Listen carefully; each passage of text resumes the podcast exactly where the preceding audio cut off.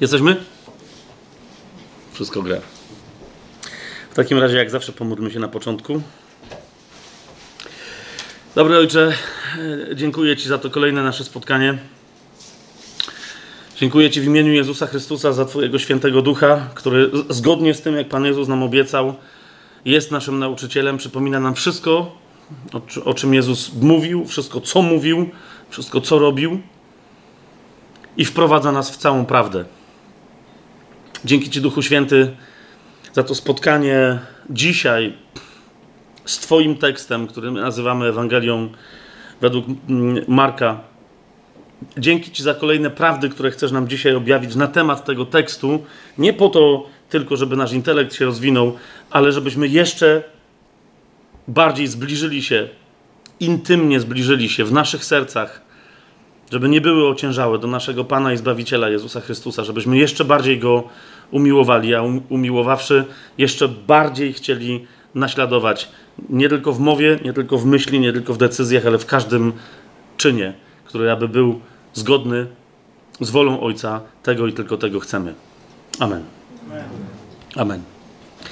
E, tym e, z Was, którzy e, nie byli na ostatnim spotkaniu, tylko przypominam, że to nasze dzisiejsze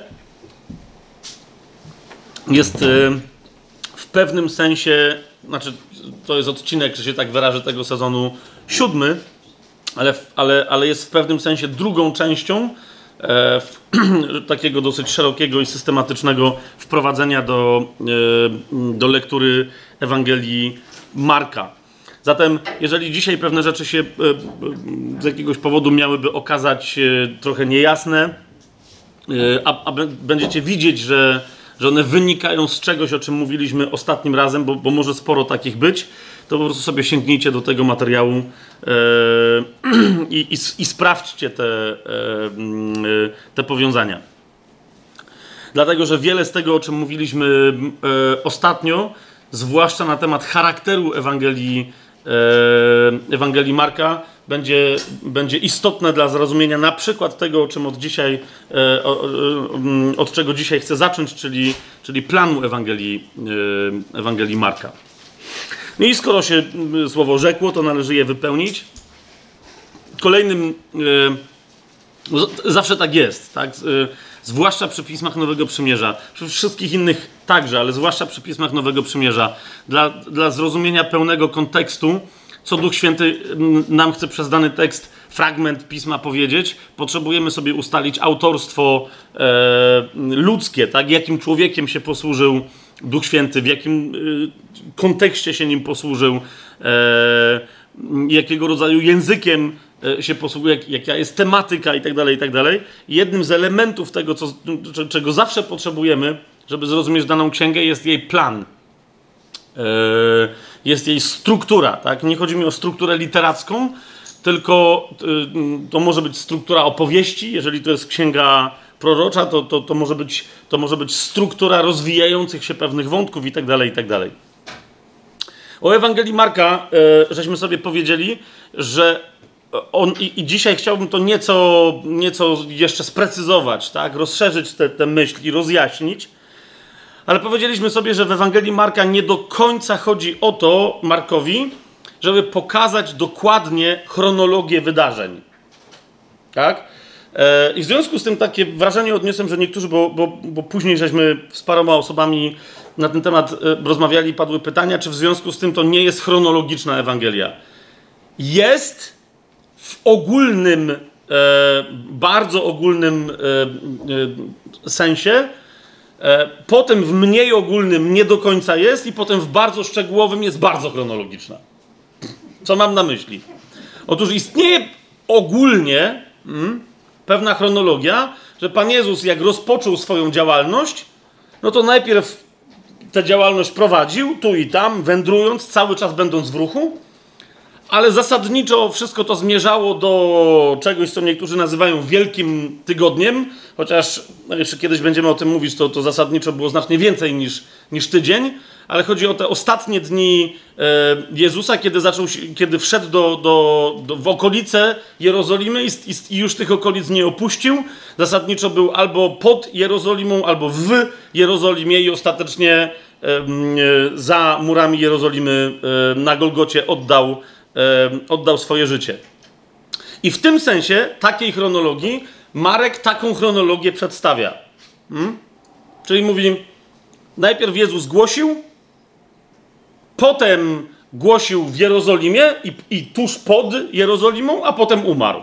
Więc w tym ogólnym sensie chronologia jest zachowana. Teraz, jak zejdziemy poziom niżej, czyli jak dokładnie e, historia tych, załóżmy, że to były trzy lata, Dlaczego mówię załóżmy, bo, bo jeszcze i w tej kwestii w, w pewnym momencie podejmiemy pewną dyskusję, ale jak zejdziemy sobie troszkę niżej, jak wyglądały te, załóżmy, trzy lata, to wtedy się okaże, że to nie jest tak, że Jezus najpierw głosił w Galilei, potem się przeniósł za Jordaniem, ogólnie rzecz ujmując, do Judei, a potem dopiero wszedł do Jerozolimy i tam zginął. Dlatego, że z innych y, zapisów, bardziej szczegółowych, innych Ewangelii, widzimy, że Jezus bywał w Jerozolimie w trakcie, kiedy normalnie, regularnie nauczał w Galilei, bywał w Jerozolimie, jako dobry Żyd chodził na przykład do Jerozolimy na święta. Te, które Żydom były mniej czy bardziej obowiązkowo przepisane, tak zwane święta pielgrzymie. Tak? Są dwa takie w ciągu roku. Więcej, jak będziemy mówić o świętach, to tam jeszcze więcej o tym sobie powiemy. I Jezus bywał wtedy w Jerozolimie. To nie jest tak, że dopiero pod koniec swojego życia przyszedł, e, przyszedł do Jerozolimy. Niemniej, i w tym sensie Ewangelia Marka tutaj traci chronologię, tak? I rzecz, i, i, czyli, czyli Marek nie pokazuje Jezusa, jakby wiecie, w ramach takiej szarpanej e, wędrówki. Raz był tu, potem przeszedł tam, potem jeszcze gdzieś, potem, potem gdzieś zakręcił, coś tam obszedł. Nie. Rzeczywiście, w sensie tego planu, dla Marka istotniejsze jest, żeby pokazać Jezusa Niektórzy mają wręcz taką koncepcję, że, mm, że Marek pisząc tę Ewangelię on z myślą głównie o Rzymianach czy poganach, ani nie znających koncepcji żydowskich, ani nie znających e, może nawet pewnych kontekstów greckich, że pisząc o, dla Rzymian tę Ewangelię, chciał przedstawić Jezusa jako wodza znacznie potężniejszego, znacznie bardziej błyskotliwego niż Cezar tak? E, I, i, istnieją takie, takie koncepcje, że, że Ewangelia Marka to jest, to jest skrótowo rzecz bardzo myśl, intelektualnie, jeżeli pewien skrót zastosu, zastosujemy, że to jest demonstracja kogoś, kto w odróżnieniu od samozwańczych bogów albo synów boskich, czyli Cezarów, tak? którzy, którzy, którzy w pewnym momencie zaczęli się wynosić ponad innych i twierdzić, że są, że są bogami, miała zademonstrować, że proszę bardzo, oto jest prawdziwy syn Boga, który jest Bogiem wcielonym tutaj na ziemi i on nawet w sensie pewnego ruchu, że tak powiem, strategicznego i, i, i swojej taktyki, z tym, że Jezus toczył walkę przeciwko siłom ciemności, a nie, a nie przeciwko krwi i ciału, że się językiem biblijnym posłużę, ale w ramach tej swojej strategii i taktyki jest wodzem znacznie potężniejszym niż którykolwiek E, nawet po ludzku rzecz ujmując, niż którykolwiek e, z Cezarów, tak? I rzeczywiście, e, no tu można byłoby dyskutować na temat tej teorii, czy rzeczywiście Markowi akurat aż tak bardzo tego rodzaju kontrast Jezusa z Cezarami chodziło. Jak sobie ostatnio mówiliśmy, jedynym człowiekiem, z którym trochę E, trochę Marek Jezusa skontrastował, to był Jan Chrzciciel, tylko po to, żeby pokazać, że ten potężny człowiek sam o sobie powiedział, że Jezusowi e, nie jest godzien nawet przed nim się pochylić i rozwiązać mu rzemyk e, u sandała. Niemniej, niemniej, jeżeli tu mówię, niekoniecznie jasno z tekstu by wynikało, że Marek jakiś taki zamysł miał, to rzeczywiście pokazał Jezusa jako człowieka, który idzie pewną drogą, który dokonuje duchowego podboju. I tak najogólniej rzecz ujmując, do y, pierwszych, połowa tej Ewangelii, pierwszych osiem rozdziałów, naj, jeszcze raz powtarzam, najogólniej rzecz ujmując, pierwszych osiem rozdziałów to jest Jezusowe podbijanie Galilei i tak niektórzy dzielą całą tę Ewangelię. Jezus, pierwsze, pierwsza połowa pierwszych osiem rozdziałów podbija Galileę, potem dziewięć, y, potem osiem y, kolejnych rozdziałów, czyli od dziewiątego do szesnastego, Jezus rusza na Judeę, żeby podbić Jerozolimę. I ostatecznie y, tam rzeczywiście rusza i zwycięża. Teraz znowu, to byłoby pewne uogólnienie, bo nawet i, i w tym planie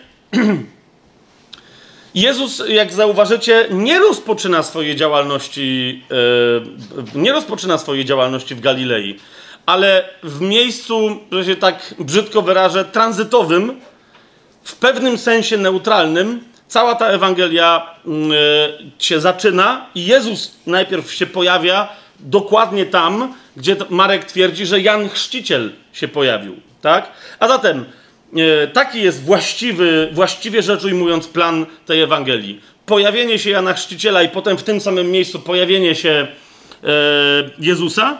Wystąpienie Jana Chrzciciela mamy opisane w Ewangelii Marka w pierwszym rozdziale, czwarty i piąty werset.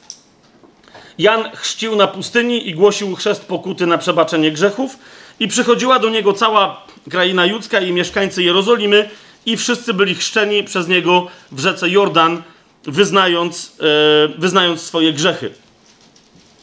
Nie, niektórzy mają trochę problem ze zrozumieniem, e, gdzie w końcu ten Jan Chrzciciel działał, bo z jednej strony jest napisane, że działał na pustyni, a z drugiej strony, no przecież piaskiem nie chrzcił, tylko chrzcił ludzi w dosyć e, poważnie w tym miejscu, zwłaszcza gdzie chrzcił wyglądającej rzece Jordan jak ktoś z Was był w, w, Izraelu, wie o tym, jak nie, to można łatwo sprawdzić dzisiaj na jakichś mapach, zdjęciach satelitarnych. E, ten region wygląda naprawdę przedziwnie, ponieważ i od strony Jordanii, i od strony Izraela to jest pustynia. Tak? Po prostu taka pustynia skalisto-piaszczysta, która, e, którą przecina bardzo wąziutki, żyzny obszar wyznaczony właśnie przez rzekę Jordan, która, mm, która jest dość tam, zwłaszcza w niektórych miejscach, szeroko, e, mm, szeroko rozlana. Ewangelia Jana nam e, podsuwa taką wskazóweczkę, to jest pierwszy rozdział, jak sobie otworzycie pierwszy rozdział, 28 werset, wskazuje na miejscowość, o, której, o, o którą dzisiaj wielu się kłóci, Mianowicie Jan powiada, że to jest pierwszy rozdział Ewangelii Jana, 28 werset, jeszcze raz powtarzam, działo się to w Betabarze za Jordanem, gdzie Jan chrzcił. Za Jordanem oznacza, że z tamtej strony y, Jordanu, no bo Jan chrzcił w Jordanie, nie za Jordanem, tak? A zatem z punktu widzenia Jerozolimy Jan chrzcił z drugiej strony Jordanu. Nie od strony judzkiej, ale od strony, e, od strony krainy, która w tamtych czasach nazywała się Pereą albo Pereją. Y, I tutaj, jeżeli macie, przed tym spotkaniem mówiłem, ale nie wszyscy byli, jeżeli macie mapy, w Bibliach to zwykle jest taka mapa, która się nazywa Palestyna w czasach Nowego Testamentu, albo Ziemia Święta, albo Judea w czasach Pana Jezusa. O, to jeżeli macie taką mapę, to, to sobie od razu e, wyjaśnimy, gdzie się to działo, gdzie Jan Chrzciciel najprawdopodobniej chrzciła, więc gdzie znajdowała się owa Betabara. E, I, mm, nie, nie będziemy teraz więcej na ten temat sobie opowiadać, ale istnieje wiele przesłanek, tak tylko wam zaznaczam, że będziecie być może gdzieś w tym temacie swoją, swoje studium prowadzić. Zobaczcie, Y, jest na, na, górze, po prawej strony, stronie, czyli po, po wschodniej stronie Galilei, znajduje się jezioro e, galilejskie, albo Morze Galilejskie, albo też niektórzy będą mieli tam napisane jezioro Genezaret. Ono się znajduje na górze. Y, Jordan, e, jak linią Jordanu przejdziecie y, w dół, czyli na południe, tam się znacznie większy taki obszar wodny znajduje, który się nazywa Morzem Martwym. I teraz zaraz na północ od Morza Martwego e, e, na lewobrzeżnym e, Jordanie znajduje się, znajdowało się miasto Jericho. Widzicie to? Tak. Okej, okay, to, to w takim razie Betabara, okay, to, była, to była miejscowość, czy miejsce,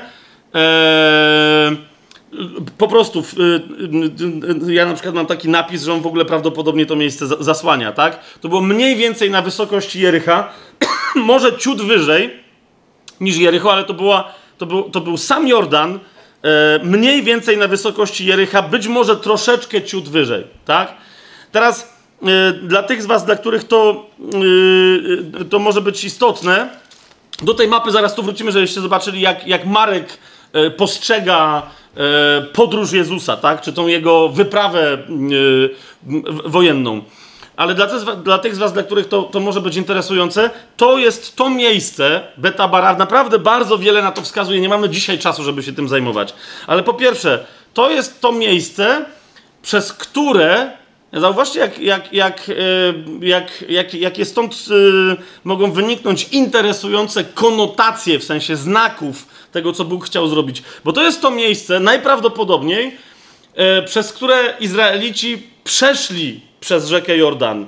W księdze Jozułego e, znajdziecie ten opis. To było cudowne przejście. Tak jak przeszli cudownie przez Morze Czerwone, także i tutaj dokonało się cudowne e, przejście. Razem z arką przeszli suchą nogą na drugą stronę, e, żeby zaatakować, żeby zaatakować Jericho. Z, z, z, paru, z paru mm, tam jest wynika, że oni zaszli Jericho od północy znów nie będziemy tego teraz rozważać, ale prawdopodobnie to była, to była późniejsza betabara, miejsce przejścia.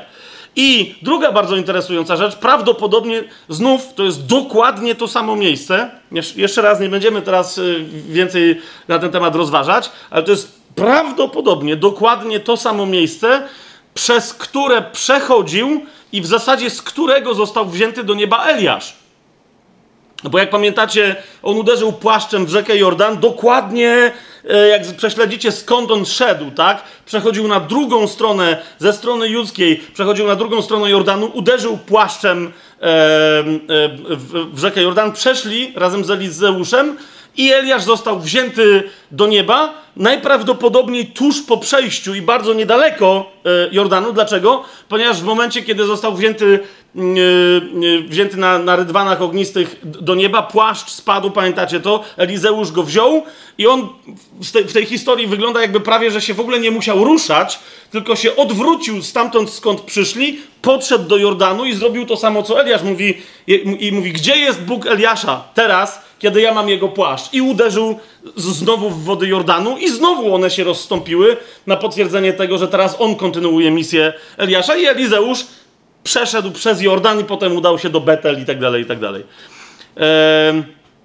Więc rozumiecie, y, y, podaję to tylko o, o, o tyle, że no jeżeli Jan Chrzciciel przyszedł na sposób Eliasza, wiecie o co mi chodzi?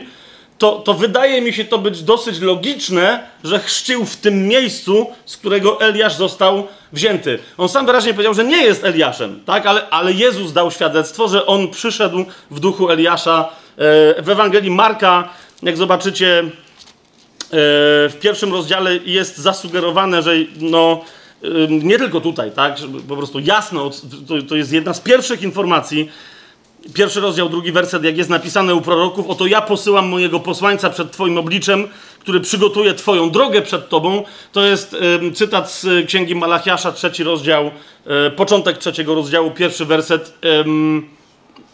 I, I później, jak pamiętacie księgę e, Malachiasza, ona się kończy tą zapowiedzią, że przyśle Eliasza. Tym, no i tu wyraźnie Marek mówi, że, że tym posłańcem pierwszym, który przyszedł przed pierwszym przyjściem Mesjasza na ziemię, był Jan Chrzciciel. Tak? Skąd inąd w którymś tam poprzednim sezonie mm, e, tajemnego planu mówiliśmy o tym, że przed drugim przyjściem Mesjasza e, na ziemię, kiedy to Jezus przyjdzie w chwale, żeby tu wreszcie zasiąść na tronie Dawida, jak to jest z dawien dawna przepowiedziane, i założyć królestwo, któremu nie będzie końca, E, przed tym drugim przyjściem mocną dosyć tezę postawiliśmy i żeśmy jej bronili, e, że przed tym drugim przyjściem wróci ten Eliasz, który był wzięty, który był wzięty do nieba. No i jeszcze drugi zawodnik, ale to jeszcze raz odsyłam was do tamtego, do tamtego wykładu. A więc w tym miejscu, jak patrzycie na, na mapę, gdzieś w okolicach Jericha, tym miejscu rozpoczyna się cała historia. Tam się objawia wielki, wielki wódz Izraela. Wielu, nie będziemy tego wątku kontynuować, ale Cezarów już zostawmy, ale wielu mówi, że Ewangelia Marka jest Ewangelią lwa Judy. Tak? E, że, że, że oto lew Judy się objawił, który, który, który nie spocznie, dopóki nie zwycięży. Tak? Objawił się król Żydów, o którym na końcu ta Ewangelia mówi, że jest królem Żydów. Co prawda, to jego, ta jego walka i to jego zwycięstwo nie tak się toczyły i potoczyły, jak Żydom się wydawało, że powinny, ale, ale właśnie, to, to już jest inna historia. A więc pojawia się objawia się e, Jezus, jest wskazany przez Boga, pierwszy rozdział, jedenasty werset, rozległ się głos z nieba, Ty jesteś moim umiłowanym synem, w którym mam upodobanie. E, objawia się Jezus no, w tym miejscu, w którym też Jozuemu zostało obiecane. Pan mu powiedział, od tej pory e, będę Ci wielce błogosławił i będę demonstrował to moje błogosławieństwo, jaką, jakie mam dla Ciebie przed całym, e, przed całym Izraelem. Ale jeszcze raz, mówię, to są wątki, które których sobie sami, y, sami poszukajcie, tak? Bo to jest ważne, gdzie może być ważne pod, pod pewnymi względami, z pewnych punktów widzenia, gdzie Jezus się objawił. I teraz rzeczywiście, natomiast to objawienie się to jest jedno, potem jak wiemy, duch, ponieważ jesteśmy w Ewangelii Marka, więc tu, są, tu się rzeczy nie dzieją delikatnie, tylko dzieją się szybko, agresywnie, e, z, z mocą, więc y, zaraz po tym wydarzeniu w 12 wersecie czytamy, że duch Święty zapędził Jezusa na pustynię. Nie bardzo wiemy na którą stronę, e, czy, czy na lewy brzeg, czy na prawy Jordanu, no ale w każdym razie. E, w czternastym wersecie natomiast rozpoczyna się właściwa misja Jezusa i od tego wersetu aż do, czyli od pierwszego rozdziału czternastego wersetu, gdzie mamy napisane, e, że kiedy Jan został wtrącony do więzienia, Jezus przyszedł do Galilei głosząc Ewangelię Królestwa Bożego. Od tego momentu Jezus głosi rzeczywiście Ewangelię w, w, w, w, tej Ewangelii, tak? Ewangelii Marka głosi dobrą nowinę aż do ósmego rozdziału. Eee, aż do ósmego rozdziału. I teraz tu sobie musimy jedną znowu kwestię wyjaśnić, bo niektórzy powiadają, że głosi aż do ósmego rozdziału 22 wersetu, kiedy to wychodzi z Galilei. Ok?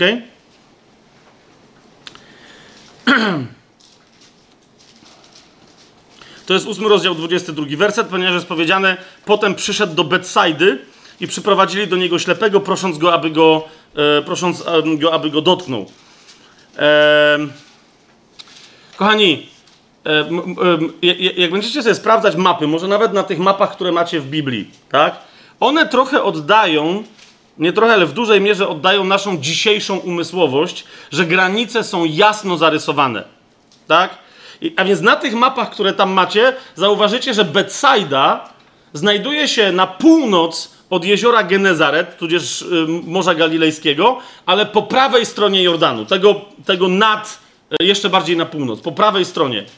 I teraz dla wszystkich Galilea, jakby jej granice powinny się skończyć. Galilea jest krainą na wschód, y, na zachód od jeziora Genezaret. Jak zobaczycie Nazaret, skąd był Jezus, ono, to Nazaret się znajduje w samym środku, jak stolica e, Galilei. Widzicie to? W samym środku, tam jest Nazaret. I teraz Galilea to jest kraina dookoła, że tak powiem, się rozciągająca Nazaretu. I niektórzy mówią, że granicą Galilei na północy był, był właśnie Jordan. Jednymi z najdalej wysuniętych na, na północny wschód miast czy miasteczek Galilei było Korozain, i Kafarnaum, a że Betsaida, ponieważ znajdowała się za rzeką, nie należała już do Galilei. Tak? I niektórzy dlatego mówią w Ewangelii Marka 8:22, skoro Jezus poszedł do, do Betsaidy, to znaczy, że wyszedł z Galilei. Otóż, kochani, e, jest to jakaś tam myśl, że ktoś sobie ustawił, że, gra, że granica naturalnie jest postawiona na rzece, ale pamiętajcie o jednym. W tamtych czasach nie było jasno wytyczonych granic, ale tam gdzieś było, gdzie coś miało wpływ. Tak? Tak daleko y, sięgała Polska w średniowieczu, jak daleko miała ustawione, obsadzone i bronione twierdze. No wiecie o co mi chodzi, tak? I to, że tam gdzieś sobie ustalił ktoś, że na jakimś pagórku jest jakaś tam granica, czy, czy na jakiejś rzece, to kogo to obchodziło na, wie, wiecie, na, na samych krańcach takiej, takiej krainy. Tam te granice były mocno rozmazane. Tutaj pamiętajcie, że mamy do czynienia e, z czymś, co się nazywa Morzem Galilejskim, ale to nie jest zaś aż takie morze, tak? To jest jezioro, które jest bardzo mocno eksploatowane przez rybaków, dla których nie ma żadnego problemu, wiecie, żeby, e, żeby się przemieszczać e, w te i we w te, tak? I teraz mamy bardzo jasną wskazówkę pokazującą, że na przykład Piotr z Andrzejem byli traktowani jako Galilejczycy, tak? Wiecie, to byli ludzie z Galilei. Jak, jak, jak Piotr się zapiera Jezusa, to tam dwie osoby mu mówią, ty też jesteś Galilejczykiem, tak? Ale teraz zauważcie, no i niektórzy mówią, no był Galilejczykiem, dlatego że w Ewangelii Marka w pierwszym rozdziale czytamy, że w 29 wersecie, że zaraz, zaraz po wyjściu z synagogi, a gdzie się znajdowała ta synagoga? W Kafarnaum, tak? A więc, a więc po lewej stronie Jordanu. W, tej, w tymże Kafarnaum Szymon z Andrzejem mieli dom, bo w 29 wersecie pierwszego rozdziału czytamy, zaraz po wyjściu z synagogi przyszli z Jakubem i Janem do domu Szymona i Andrzeja. I niektórzy błędnie, uważajcie na to, i niektórzy błędnie zakładają, że w związku z tym, z tym Szymon z Andrzejem pochodzili z Kafarnaum. Przypominam wam, e, w Ewangelii Jana, Zaraz to szybko znajdziemy. Natomiast przypominam Wam, że Ewangelia Jana daje nam, która nam daje bardziej szczegółowe świadectwo na temat wzajemnych relacji itd., tak. Tak w Ewangelii Jana w pierwszym rozdziale yy, w 44 wersecie mamy informację na temat Filipa, że, zauważcie, Filip, to jest pierwszy rozdział Ewangelii Jana, 44 werset, Filip był z Betsajdy, z miasta Andrzeja i Piotra.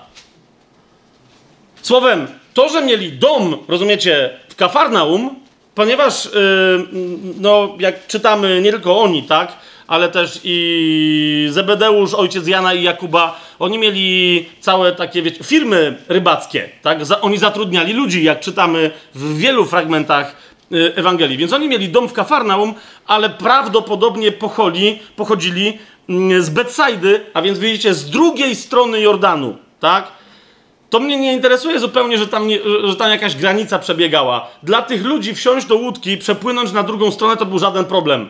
Więc również e, wschodnie wybrzeże, nie wiem czy dalej, ale z całą pewnością wschodnie wybrzeże i północ, cała ws północny wschód jeziora Genezaret były też bardzo mocno obsadzone przez Galilejczyków Mnóstwo Galilejczyków tam mieszkało. Zasadniczo nawet sądzę, że Cezarea Filipowa też może być swobodnie zaliczona, mimo że w tych granicach, wiecie, nigdy jest, zawsze jest pokazywana, Cezarea Filipowa jest jeszcze bardziej na północ, po prawej stronie Jordanu. Tak, jak, jak, macie, jak macie, nie wiem, czy to macie na, na, na tych swoich mapach, to według mnie y, y, kultura, tak, wpływ kulturowy Galilei sięgał aż tam. Więc nawet jeżeli Jezus się udaje w pewnym momencie do Cezarei Filipowej, to już jest bardzo mocno na granicy yy, z Syrią, tak? A, ale wciąż znajduje się według mnie pod wpływem, pod wpływem kultury, języka, z obyczajów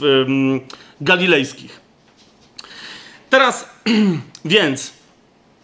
Yy, no i okej, okay, możemy tam się, wiecie, kłócić, co tam się wydarzyło. Jedno, jedno w tym wszystkim ewidentnie jest pewne.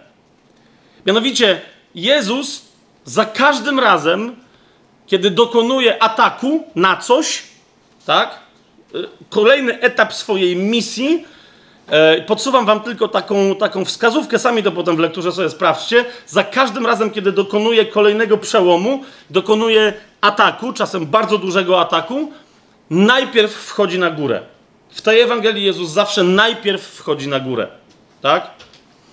Teraz kolejna rzecz, e, do której chcę się odwołać.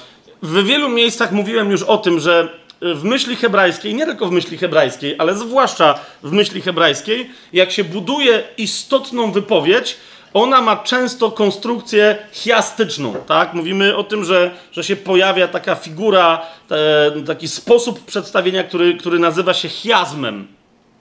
Grecy też te, yy, te koncepcje, później nawet, na, później nawet Rzymianie, chociaż oni zaczęli to zmieniać, stosowali. Najprościej rzecz ujmując, naj, bo, on, bo tam mamy wiele różnych technik chiastycznych, tak, który, z których Żydzi retorycznie korzystali. Ale najprostsza z tych technik, najbardziej oczywista, e, najczęściej wykorzystywana polegała na czym? Że mianowicie najważniejsza rzecz w czyjejś wypowiedzi nie znajduje się tak jak dzisiaj w naszych wypowiedziach. Wiecie, mamy koncepcję na początku stawiamy jakąś tezę albo hipotezę, potem to rozwijamy, e, żeby ją uzasadnić, i na końcu jeszcze raz stwierdzamy, moja hipoteza była tezą, co właśnie zostało udowodnione, i jeszcze raz to podkreślam. Tak, na początku zyskujemy czyjąś uwagę, potem tam coś rozwijamy i na końcu zachęcamy do akcji. Tak? Są tu na tej sali też specjaliści od sprzedaży i widzę, że kiwają głową. Model AIDA, okej, okay, tak? Rzeczywiście tak jest. Natomiast, natomiast w modelu chiastycznym najważniejsza rzecz, jaką ktoś ma do powiedzenia, znajduje się w samym środku. Tak? A, a, a, a retoryka rozwija się w jaki sposób? Żeby przez połowę utworu dojść, że się tak wyrażę, na szczyt, tak? A więc wchodzimy krok po kroku mozolnie do, do miejsca, które jest naszym celem, i potem, kiedy już tam się znajdujemy, my byśmy powiedzieli, ok, no to tyle. Natomiast nie, w, w, w modelu chiastycznym, jak ktoś tam wszedł, to teraz widzi szeroką perspektywę z tego miejsca, która tam się przed nim odsłania i schodzi stamtąd taką samą ilością kroków w zupełnie nowe miejsce. Czy jest to jasne, E, czy jest to jasne, co mówię? Wstępujemy na szczyt, widzimy zupełnie nową perspektywę i schodzimy w nowe miejsce, które jest lepsze od tego, z którego wyszliśmy. Jasne?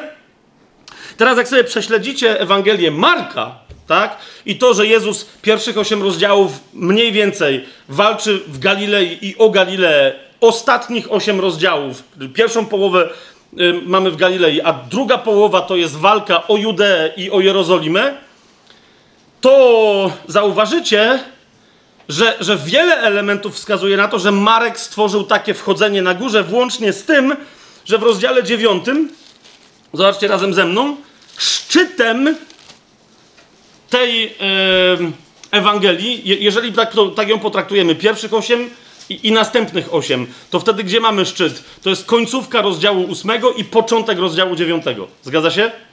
Tam się znajduje nasz szczyt chiastyczny. Tam, musi być, tam muszą być napisane najważniejsze rzeczy, o jakie chodzi Markowi w tej Ewangelii. Tak? Jeżeli ona jest skonstruowana chiastycznie. To teraz zobaczcie. Rozdział 9, początek rozdziału 9 jest literalnie, dosłownie wchodzeniem na wielką, największą, e, absolutnie największą w, w tej Ewangelii górę. Tak? Zobaczcie, 9 rozdział, drugi werset a po sześciu dniach Jezus wziął ze sobą Piotra, Jakuba i Jana i wprowadził ich samych na wysoką górę, żeby byli na osobności i przemienił się przed nimi. Po prostu. Tak? Przemieniając się przed nimi w samym środku tej Ewangelii, to jest szczyt, o który chodziło.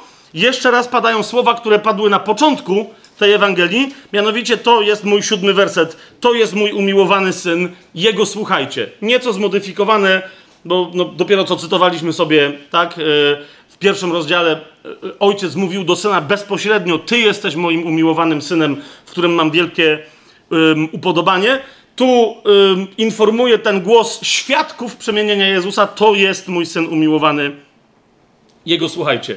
Nawiasem mówiąc, jak zobaczycie, na początku, bo, bo skoro tu mamy szczyt, to musimy też mieć skrzydła, tak? To znaczy musi być symetria Poszukajcie sobie tych symetrii. Ale zobaczcie, jak na początku tej Ewangelii, zaraz na początku, mamy napisane o Jezusie, że jest to początek dobrej nowiny o Jezusie, który jest Chrystusem, który jest synem Boga. Na samym końcu tej Ewangelii, symetrycznie, znajduje się informacja, że ten Jezus, e, który poza tym początkowym określeniem, że to jest Chrystus, syn Boga, potem prawie przez całą Ewangelię nikt nie wie, że to jest syn Boga, aż dopóki setnik pod krzyżem w tej Ewangelii wyznaje, prawdziwie ten człowiek był synem Bożym, to na końcu tej Ewangelii symetrycznie znowu Jezus, co się dzieje? Jest wzięty do nieba i zasiada po prawicy Boga swojego Ojca. A więc koniec tej Ewangelii symetrycznie do początku pokazuje, to jest Chrystus, to jest prawdziwie Syn Boga.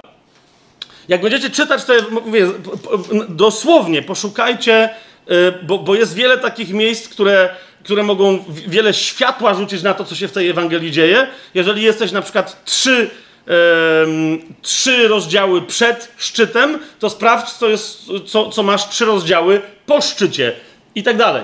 Tak? E, jeszcze raz powtarzam, szczytem dla nas, tym obszarem szczytowym są ostatnie e, wersety Ewangelii Marka, ostatnich niektórzy mówią 10, 7, jakkolwiek by tego nie liczyć, ale zauważcie, o czym tam jest mowa, zwłaszcza od 34 rozdziału to będzie raz, dwa, trzy, cztery, pięć, pięć wersetów. E, ósmego rozdziału. Ewangelia Marka, e, to są wersety ósmego rozdziału, tak? Od 34, 34 e, wersetu. Ostatnich pięć wersetów. I to w sensie nauczania Jezusa, tak? To jest, to jest szczyt tej Ewangelii, w sensie tego, co Jezus ma do powiedzenia. Zauważcie, 34 werset, nie będę czytał całości. Ktokolwiek chce pójść za mną, niech się zaprze samego siebie, weźmie swój krzyż i idzie za mną.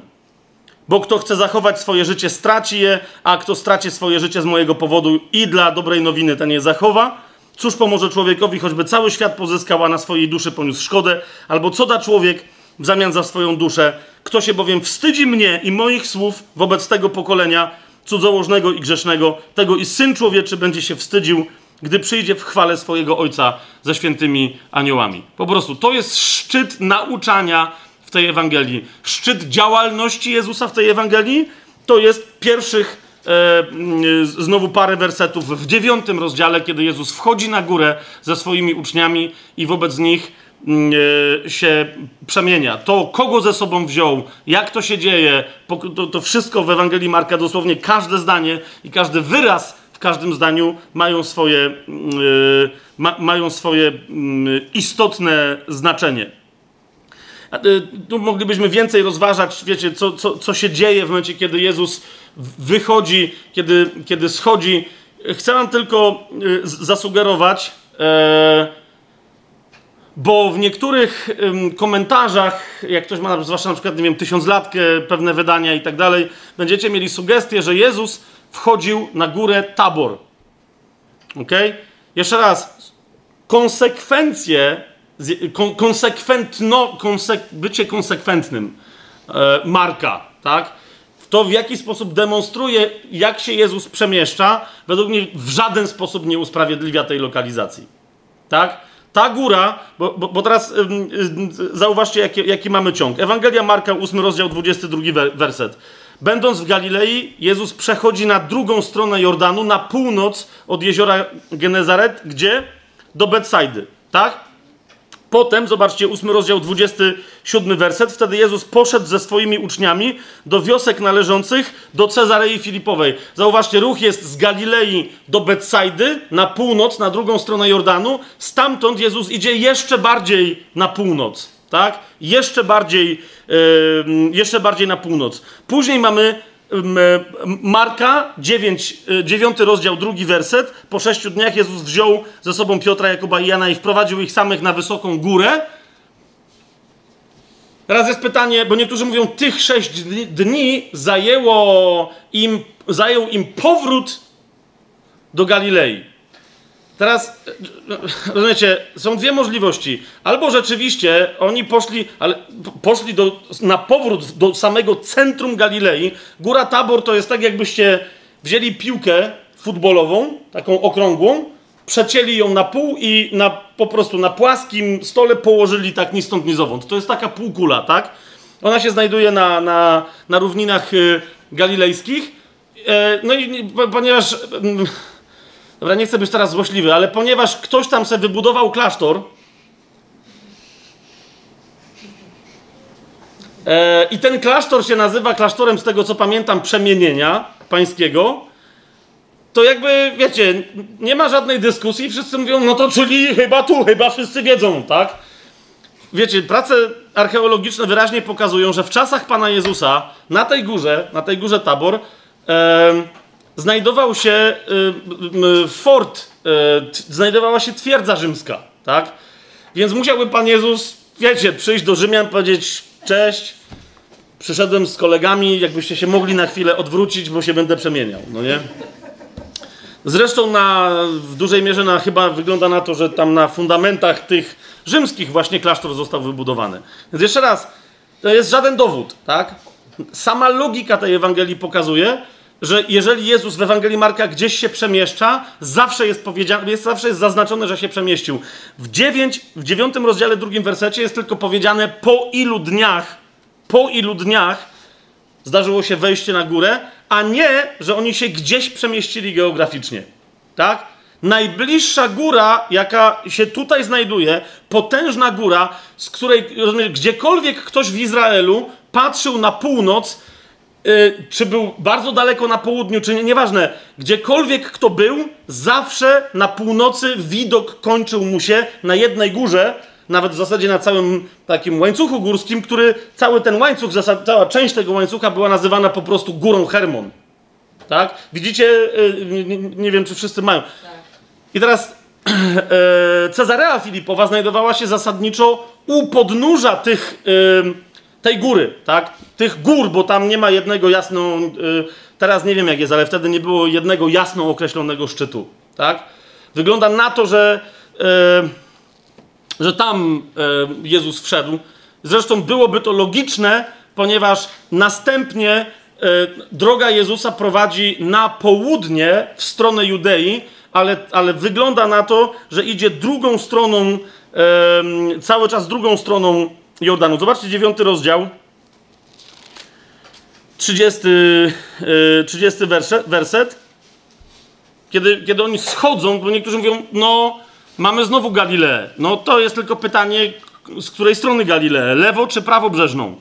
Bo tak jak powiedziałem, według mnie istniała prawobrzeżna w stosunku do Jordanu Galilea. Ale, ale nawet jeżeli schodząc weszli z powrotem do, na terytorium Galilei, takie najbardziej oczywiste, to to jest dopiero tutaj, zauważcie, 9 rozdział, 30 werset. Okay? Dopiero tutaj wrócili yy, do Galilei i w 33 wersecie na chwilę widać, że wchodzą yy, do Kafarnaum. A według mnie to jest jedyny moment, kiedy, kiedy przeszli na lewą stronę, na lewą stronę Jordanu. Ale sami sobie to sprawdźcie. I teraz ewidentnie, jak, bo to trochę tak wygląda, jakby Jezus tam chciał po, pokończyć pewne sprawy. Ewidentnie marsz na Jerozolimę zaczyna się w dziesiątym rozdziale, w pierwszym wersecie. Więc rozumiecie, nawet jeżeli tam była, nie była Galilea, na, naprawdę po, po, przeczytajcie dokładnie tekst. Według mnie przemienienie miało miejsce raczej na górze Hermon. Swoją drogą, tak, ach, yy, powiem to. Yy, powiem to.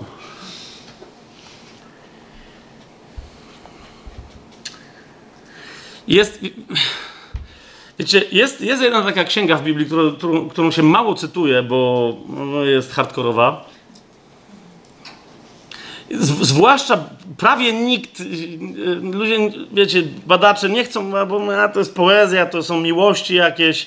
I, i, I nikt nie chce tego tykać w takim sensie, że tam mogłyby jakieś proroctwa być zawarte. Ale powiedzcie mi, e, naprawdę widząc skąd, że Jezus z Cezarei Filipowej wlazł na jakąś tam górę i stamtąd, według Ewangelii Marka, de facto ruszył na Jerozolimę. Tak? Ostatnia jego trasa prowadzi z północy na południe. Skąd mógł przyjść?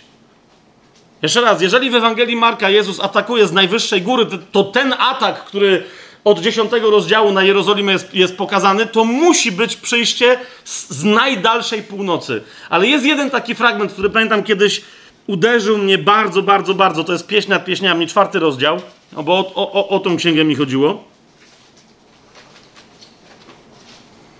Kiedy to sam Pan, wiecie, on, on bierze swoich najbliższych uczniów, tak? W tym Piotra, e, tych, którzy później w Dzień Pięćdziesiątnicy razem z Duchem, wiecie, otwierają rozdział, nowy rozdział, otwierają tajemnicę ukrytą przez, przez wieki, która się nazywa Kościołem. Tak? Ten Kościół później jest nazywany oblubienicą i ta oblubienica razem z Duchem wołają do Pana przyjdź, Maranata, przyjdź Panie Jezu, wróć. Więc rozumiecie, czy, czy, czy, czy nie ma czegoś naprawdę proroczego? I teraz wiecie, to jest, to jest żaden teraz z mojej strony jakaś profesjonalna egzegeza. To teraz do was tylko mówię sercem. Ale czy nie ma to sensu, że Jezus schodził z góry Hermon, kiedy przeczytamy w czwartym rozdziale, w ósmym wersecie wezwanie oblubieńca do swojej oblubienicy, czy nie jest ono prorocze? Przyjdź ze mną z Libanu, moja oblubienico. Przyjdź ze mną z Libanu. Spójrz ze szczytu góry Amana, ze szczytu góry Senir i Hermon, z jaskini lwów i z gór lampartów. Wiecie o co mi chodzi? Tam nie, nie, nie, będę się dalej tam rozwodził, co się dalej dzieje wcześniej, co się dzieje w pieśni nad pieśniami, co się dalej dzieje. Tak? Ale, ale naprawdę e, ta góra Hermon nie jest bez znaczenia. Tak? Jak zobaczycie, co, to, co się tam działo na tych górach, to jest, wiecie, to jest między innymi e, siedlisko olbrzymów. Tak? To jest między innymi siedziba e, Oga, Y, olbrzyma, tak? Wodza olbrzymów, Oga z Baszanu, tak? Między innymi tam siedział. Gdzie Jezus ma wejść, żeby pokazać, kto jest potężniejszy niż wszyscy naj, naj, naj, najśmielsi olbrzymi, e, którzy się przeciwstawiają Bogu na tym świecie? Wiecie o co mi chodzi? Zobaczcie, kiedy swoje dziedzictwo odbiera Kaleb, tak? Mówię tylko do tych bardzo wtajemniczonych. Zobaczcie w księdze Jozłego, znajdźcie Kaleba, który, który wszyscy dostają dziedzictwo, nie skończyli roboty, nie zniszczyli olbrzymów, tak? Nie skończyli roboty, ale no okej, okay, ale mamy, olbrzymy się nas boją, siedzą w górach, a my się tutaj będziemy uprawiać, wszystko gra. Jeden, jedyny Kaleb mówi, co ci powiedział Mojżesz? Do Jozłego mówi, że jakie jest moje dziedzictwo? Mówi, do mnie należy też ta góra, na której są, na której, no, ale tam są olbrzymy. Mówi, no i właśnie dlatego, no ale będziesz musiał z nimi walczyć. Halleluja. Kaleb mówi, oczywiście, że tak. Jeżeli Pan mi to obiecał, to byłbym głupkiem, żeby nie iść do tej walki. To nie dlatego, że ja jestem silny, ale dlatego, że ufam Panu. Jeżeli Pan mi obiecał, że ta góra jest moja, to ja walkę z tymi olbrzymami mam wygraną. Rozumiecie? Jezus tam wchodzi, nie mówię, że to jest dokładnie ta góra, tylko że to jest to samo serce, tak? W Kalebie, co było w Jezusie. Jezus tam wchodzi, żeby pokazać, że niezależnie od tego, jak go otoczą, kiedy będzie umierać na krzyżu, na innej górze, jak go otoczą byki Baszanu, jak o tym, jak o tym Stary Testament jasno mówił i jasno to zapowiadał, nieważne jak groźne będą te byki Baszanu, nie zachwieje się, ani nie upadnie, dlatego że ma pełne zaufanie w tym, który jest jego ojcem i on wie, co robi. Amen? Ok, więc potem mamy Marka 10 rozdział, skoro tu już jesteście, 32 i 33 werset. Widzicie, e, pierwszy werset mówi, że wyruszył stamtąd i przyszedł w granicę Judei. Zauważcie, przez krainę leżącą za Jordanem, a więc, a więc cały czas to jest, to jest prawobrzeżny E, Jordan. A potem 30, 10 rozdział, 32, 33 werset, już jest jasny kierunek, oto idziemy do Jerozolimy, Jezus mówi, tak? To jest rozkaz, który On wydaje. Oto idziemy do Jerozolimy. E, to jest kierunek naszego ataku. W 46 e, wersecie, jak widzicie, przyszli do Jericha, tak? A więc jeszcze raz, tam widać, że ruch jest prawdopodobnie, nawet jeżeli zaczepili o Kafarnaum i w tym, w tym sensie idąc z góry Hermon, e, z, Cezarei, z okolic Cezarei Filipowej, nawet jeżeli zahaczyli o Kafarnaum, to nie szli przez Samarię według Ewangelii Marka, ale szli prawą stroną, czyli wschodnią stroną e, Jordanu, zeszli aż do miejsca prawdopodobnie, gdzie wcześniej Jan Chrzciciel chrzcił i tam przeszli, e, tam przeszli przez Jordan. Zauważyliście? E, Jezus, właściwy Jezus robi to samo, co kiedyś Jezus, którego my w Biblii nazywamy Jozułem. Przechodzi, żeby podbić ziemię e, obiecaną przez Jordan w okolicy Jericha i zaczyna, e, zaczyna od Jericha. W jedenastym rozdziale, w pierwszym wersecie widzimy, że zbliżają się do Jerozolimy. Gdy zbliżyli się do, do Jerozolimy, przyszli do Betfagę i do Betanii. W jedenastym wersecie, to jest jedenasty rozdział, jedenasty werset, Jezus atakuje Jerozolimę. Tak? I, I tyle Jerozolima się poddaje, wydawałoby się na początku, tak? To jest jedenasty rozdział, jedenasty werset. Wjechał Jezus do Jerozolimy i wszedł do świątyni. Ale to jest jego pierwsze wejście. Widzicie, Jezus tam wchodzi w pewnym sensie niby triumfalnie, ale w Ewangelii Marka wchodzi trochę jak szpieg. Zauważcie, on tam wszedł, obejrzał wszystko i nadszedł wieczór, więc wyszedł z dwunastoma do Betanii. Tak? Potem mamy kolejne y, wejście Jezusa, 15 werset. Znowu przyszli do Jerozolimy. Potem mamy kolejne, we, w, drugi raz, kiedy, kiedy weszli wtedy Jezus tam, gdzie się rozglądał do tej pory, teraz zrobił porządek. Tak? Przeglądał się, co się dzieje, a teraz robi porządek w świątyni. Zobaczcie, co jest po 15 wersecie. Potem mamy 27 Potem mamy 27 werset, kiedy to znowu przychodzą do Jerozolimy, trzy wejścia do Jerozolimy i mamy 14 rozdział, 32 werset.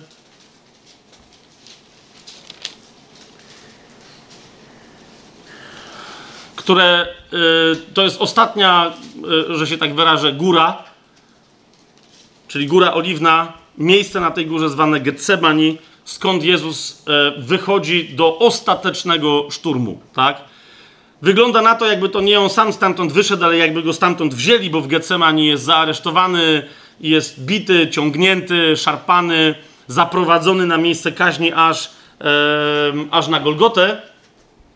Ale jeszcze raz, jak, jak, jak pamiętacie tę logikę, że Jezus wchodzi na górę, żeby dokonać ataku, to Getsemani jest jego górą, w ramach której dokonuje ataku na Jerozolimę, Golgota jest jego górą, z której dokonuje ataku na piekło. Ok? To jest góra, z której on dokonuje ataku, yy, ataku na piekło. Niemniej, to jest bardzo istotne, jak wszystko zaczęło się w Galilei, w Ewangelii Marka, tam się też kończy. Zauważcie, w 14 rozdziale, w 28 wersecie Jezus im zapowiada, tuż przed tym, kiedy będzie E, aresztowany, już niewiele będzie mógł mówić. 14 rozdział, 28 werset, Jezus mówi, kiedy zmartwychwstanę, udam się do Galilei e, przed wami i zobaczcie w 16 rozdziale, w 7 wersecie, kiedy przestraszone kobiety nie wiedzą za bardzo, co się dzieje, co to znaczy, że Jezus zmartwychwstał, dowiadują się od anioła, 16 rozdział, 7 werset, idźcie i powiedzcie jego uczniom i Piotrowi, udaje się przed wami do Galilei, tam go ujrzycie, jak wam powiedział. I teraz, widzicie, my skądinąd wiemy, że tak było, ale że ostatecznie Jezus poszedł do nieba, czyli że oni z tej Galilei znowu przyszli pod Jerozolimę, e, a Jezus wstąpił do nieba z Góry Oliwnej, spod Jerozolimy, tak? Niemniej w tej logice Marka e, on już tego nie przedstawia, tak? Skąd wyruszył wódz i, i gdzie rozpoczął swoją kampanię w Galilei, tam też ją zakończył. Tak? Ostatnie, to jest ostatnia wskazówka. Idźcie do Galilei, tam się z nim spotkacie. I, i nie ma za bardzo mowy, skąd yy, yy, Jezus został wzięty do nieba, tylko w 16 rozdziale, w 19 wersecie mamy powiedziane, że kiedy Pan przestał do nich mówić, czy też kiedy przestał do nich przemawiać, kiedy skończył wszystkie ostatnie pouczenia, które jak wiemy się odbywały w różnych miejscach, został wzięty do nieba i zasiadł po prawicy Boga. I tego jakby to Marka nie bardzo interesuje, skąd on wstępował. O tym wiemy z, od Łukasza, tak, z dziejów apostolskich i, i, i tak dalej, i tak dalej. Teraz, e, więc widzicie, w tym sensie ta chronologia, e, o, Marek zarysowuje przed nami pewien plan strategiczny, a nie do końca dba o to, wiecie, o wszystkie szczegóły tego planu. Ale, ale jeszcze zejdźmy niżej, tak? To jest, wiecie, tak jakbyśmy z bardzo wysokiego z satelity zeszli aż do, wiecie, planu miasta, a potem zeszli na, na, na street view, tak? E, bo teraz jak niektórzy mówią, a no to czyli nie, nie warto czytać, a nie, wa nie warto czytać Marka, jeżeli ktoś szuka jakichś szczegółów. Nie popełniajcie tego błędu. Jeżeli chcecie znaleźć trasę wędrówek Jezusa, rzeczywiście Marek w tym sensie nie jest najlepszy ponieważ jego interesują pewne bloki, tak? I co się działo w ramach tych bloków. Galilea, pójście w stronę e, Cezarei Filipowej, zejście na dół, Judea, Jerozolima, śmierć, zmartwychwstanie, poszedł do nieba. Ale w ramach tych bloków, kiedy Marek opisuje konkretne zdarzenie, nikt nie podaje tylu interesujących, niezwykle e, bogatych szczegółów nikt nie jest tak, rozumiecie, w detalu precyzyjny jak Marek. Nie będziemy, nie mamy czasu na to, rozumieć, to byłoby całe dwie osobne godziny, żeby sobie je pokazywać. Tylko Marek pokazuje, rozumiecie, w konkretnych sytuacjach, co po czym się działo, tak? Tylko Marek pokazuje uzdrowienie ślepego, wiecie, w dwóch fazach. Nikt więcej, tak? Wszyscy mówią, no był ślepy, Jezus go uzdrowił, hura, tak? A Marek mówi, wziął, zrobił błoto, położył mu na oczy, idź się umyj, wróć, co tam się dzieje? No widzę, ale trochę słabo, jeszcze raz, powtórz jak teraz, halleluja, tak? Więc rozumiecie, jest, jest, gdy chodzi o chronologię konkretnego wydarzenia, Marek jest niezwykle precyzyjny. Gdy chodzi o miary i wagi i czasy, Marek jest, tylko w niektórych momentach Jan jest bardziej precyzyjny od niego, ale Marek jest niezwykle precyzyjny, tak? Mówi dokładnie, ile co ważyło, gdzie, pod, z której strony co było. Ostatnio moja żona tutaj siedzi, była, była świadkiem mojego wzruszenia, naprawdę. Byliśmy raz w Jerozolimie i tam w samej Starej Jerozolimie jest coś, co się nazywa Bazyliką Grobu Pańskiego i tamte inne historie. Zupełnie, wiecie, naprawdę kto wie coś na temat, no po prostu bez związku z tematem, tak? Kom kompletnie to miejsce jest bez związku z tematem. Ale jest też inne miejsce, które E, wielu uważa, że, e, że jest właściwym grobem Jezusa, gdzie Jezus był złożony, tak? E, ja pamiętam, że, że, że sprawdzałem wiele elementów, które by, wiecie, czy przynajmniej to miejsce spełnia wszystkie wymagania, wszystkie warunki, każdy detal z opisu biblijnego, tak? I sprawdziliśmy wszystko, jak żeśmy byli na miejscu, tak? Czytaliśmy różne fragmenty, dosłownie sprawdziliśmy wszystko, tak? Czy rzeczywiście to jest grób, e, który się, gdzie, gdzie, gdzie mogła być Golgota? Czy rzeczywiście to jest grób? Czy, czy tam rzeczywiście był ogród? Jeżeli był ogród, to musiała być winolo, win, winorośl, czyli musiało się, musiała się tam znajdować tłocznia do winorośli, musiał się znajdować specjalny zbiornik na wodę. Tam, rozumiecie, tam to wszystko jest, tak? Czy kamień, czy był zasuwany i tak, to, to miejsce spełnia wszystkie te warunki.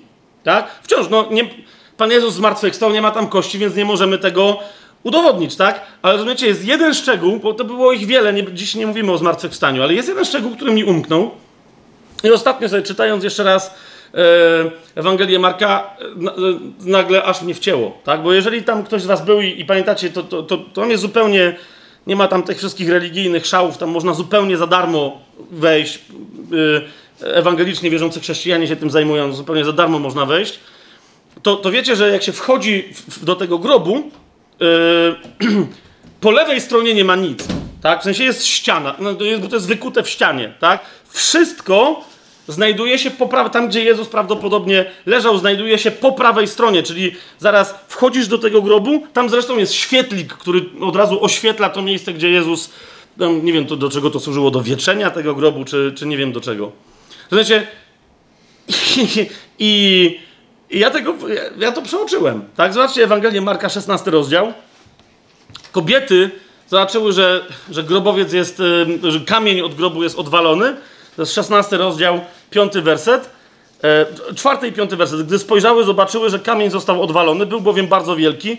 Gdy weszły do grobowca, ujrzały młodzieńca siedzącego po prawej stronie. Rozumiecie, to było wow! To jest, jeżeli, jeżeli to jest to miejsce, to to jest kolejny aspekt, który, wiecie, kolejny warunek, który to miejsce spełnia, żeby się zgadzać z opisem biblijnym. Tak? Nadal, ja nie twierdzę, że to jest to miejsce, to nie ma aż takiego, wiecie, znaczenia. Tam przecież nikt nie będzie tam żadnego e, sanktuarium robił, a, ale to jest, to jest Marek, tak? To jest Marek, jest nieprawdopodobnie precyzyjny. E, mnóstwo podaje szczegółów. Niektórzy mówią, że to dlatego, że to dla Rzymian było istotne. Całkiem możliwe, tak? Ale jeszcze raz, nie, nie, nie popełnicie tego błędu. Na pewnym poziomie poznawczym Marek jest bardzo ogólny i nie zachowuje chronologii, ale na tym takim opisie, wiecie, konkretnego wydarzenia Marek na powrót odzyskuje wielką szczegółowość swojego opisu, taką, która naprawdę wielu innych y, ewangelistów bije na łeb, na szyję. Znowu, oni niekoniecznie po to pisali, żeby, żeby się tymi szczegółami zajmować, to było jego zadanie, ale już się spotkałem z takimi opiniami, że na przykład Mateusz jest bardzo szczegółowy. Jak zobaczycie opisy Mateusza i Marka, nie tego, co Jezus mówił, ale tego, co się działo, to ze zdziwieniem odkryjecie, naprawdę, albo już ktoś to odkrył, że, bo niektórzy mówią, że Marek wszystko skraca, żeby było szybciej, a Mateusz rozwleka. Nie, Mateusz zajmuje się głównie tym, czego Jezus nauczał, tak?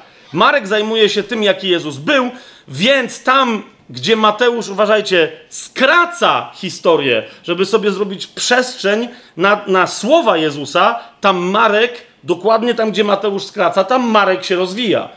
Ale nie opowiadając, co, co Jezus mówił, ale co robił, tak? Bardzo, bardzo, bardzo e, szczegółowo.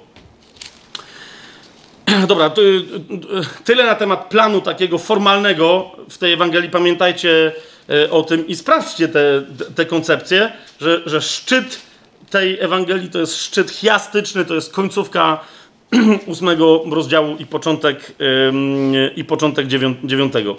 Teraz chcę powiedzieć o innej rzeczy, e, o innym planie tej Ewangelii, który jest planem wybaczcie mi określenie, bo się może niektórym źle kojarzyć, który jest planem sekretnym, tak? Ale to nie o to chodzi, że teraz będziemy wiecie, szukać sekretu, kod Ewangelii Marka, co zaszyfrował Marek w ramach jakiegoś mistycznego, e, w ramach jakiegoś mistycznego przekazu. W pewnym sensie ten sekretny plan wiąże się z czymś, co się nazywa e, w teologii biblijnej sekretem mesjańskim.